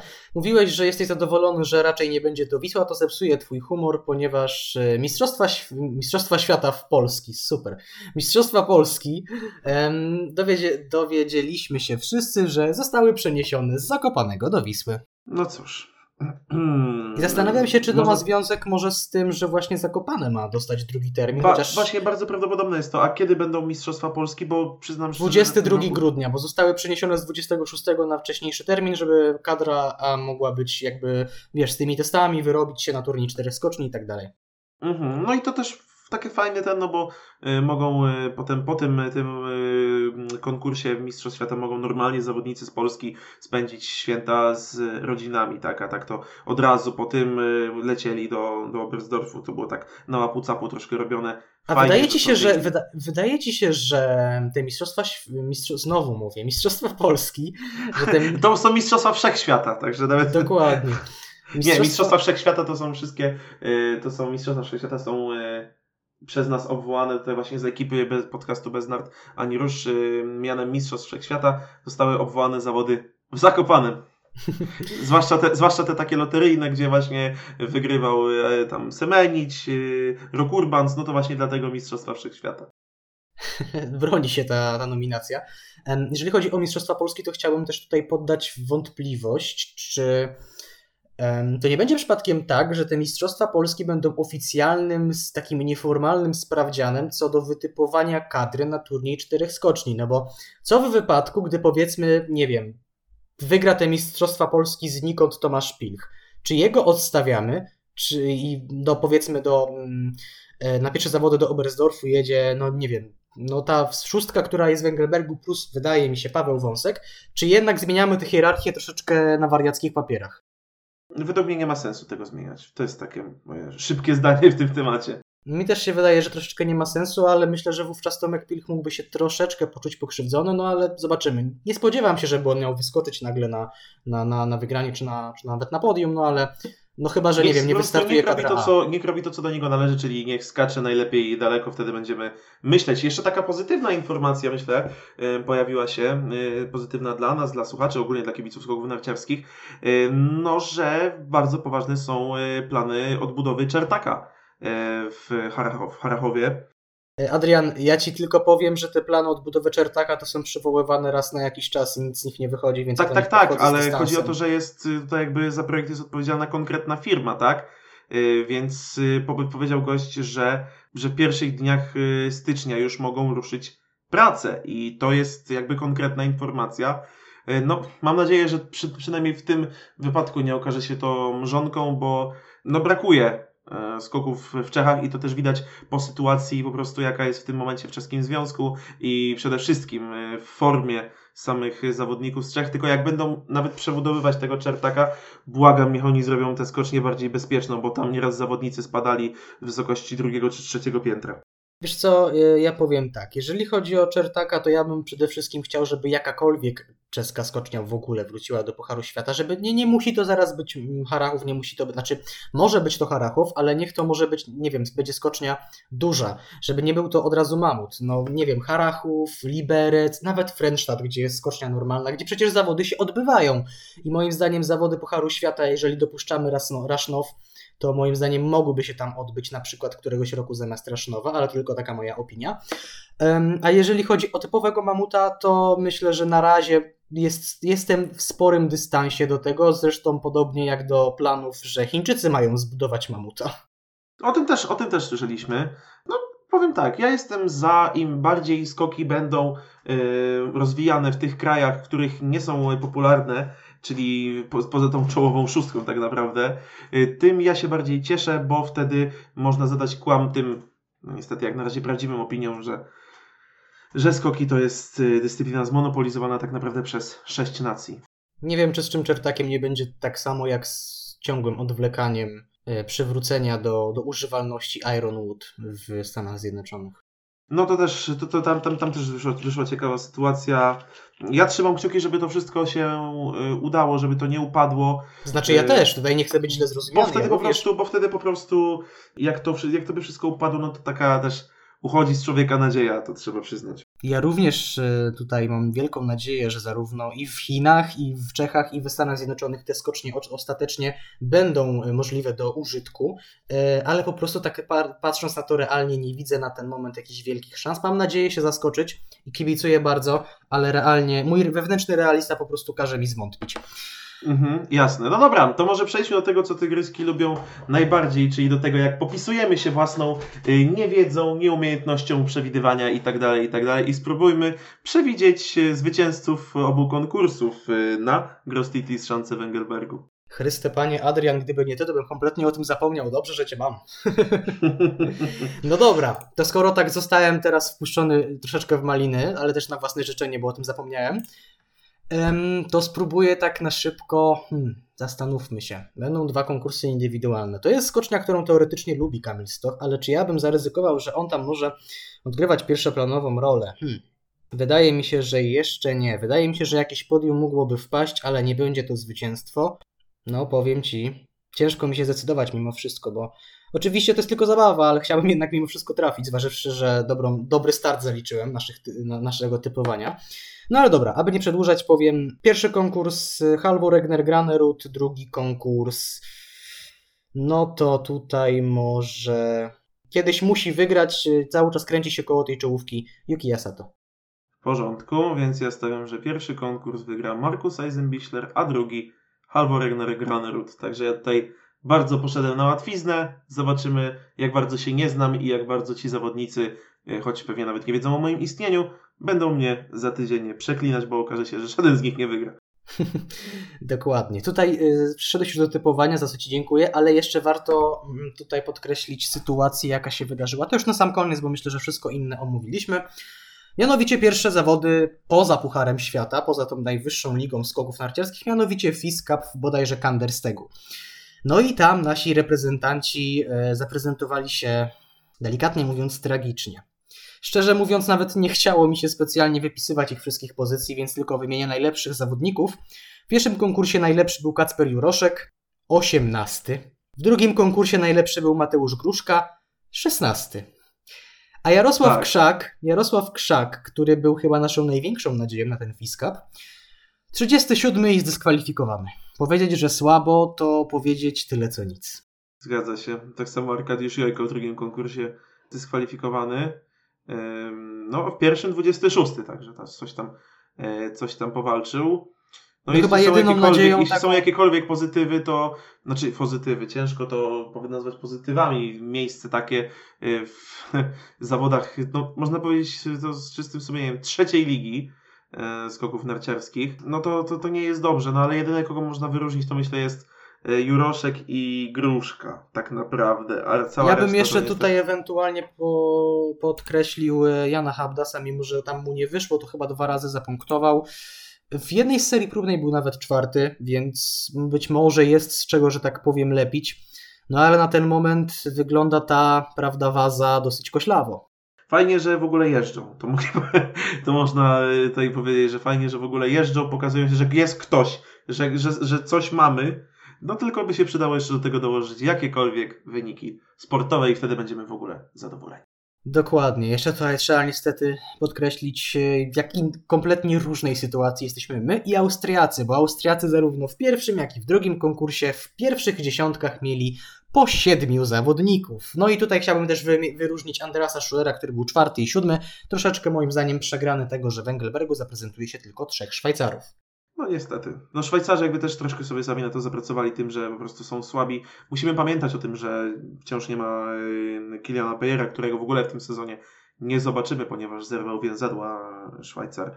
Znaczy mógłby tam się teoretycznie wykurować gdzieś tam chyba na końcówkę, ale to nie ma sensu, bo ten przedwczesny powrót może siać jeszcze większe spustoszenie potem w organizmie 25-letniego e, mm, Szwajcara niż, y, niż był przed kontuzją, niż było w trakcie tej kontuzji, więc nie ma sensu, żeby on w tym sezonie w ogóle w ogóle startował. Natomiast no, Austriacy, no coś fenomenalnego. Zarówno w pierwszym, jak i drugim konkursie całe podium dla nich i oba konkursy wygrał Niklas Ballinger. Dokładnie, no kolejny tutaj, kolejna być może perełka Austriaków biorąc pod uwagę problemy Austriaków w tym sezonie, to niewykluczone, że w przyszłości zobaczymy go w Pucharze Świata, o ile ma prawo startu. No być może na turnieju czterech skoczni już ten zawodnik się zaprezentuje. To wszystko na dziś. Gadamy już bite dwie godziny. Mm, a jeżeli dokładnie rzecz ujmując, tutaj mam 2,9. Troszeczkę ten się czas zmieni w trakcie, bo tutaj troszeczkę usunę, tu troszkę dodam, aby to wszystko ładnie, ładnie Wiadomo, wyglądało. kosmetyka. Dokładnie, merytorycznie wszystko zostaje tak jak jest, nic tutaj nie zmieniam, żeby mnie tutaj nikt nie posądził o cenzurę. Omówiliśmy chyba wszystko, co mieliśmy do omówienia. Liczymy, że nie zasnęliście tam po drugiej stronie, bo przez dwie godziny to mogło się wydarzyć. Serdecznie dziękujemy każdemu, kto choć przez chwilę nas posłuchał. Zachęcamy do odwiedzania naszego Facebooka i sprawdzania audycji naszych kolegów. Od nas to tyle, żegnają się z Wami Adrian Kozioł i Damian Markowicz. Do usłyszenia już w przyszłym tygodniu, kto wie, może z jakimś gościem. Kto wie, kłaniamy się nisko.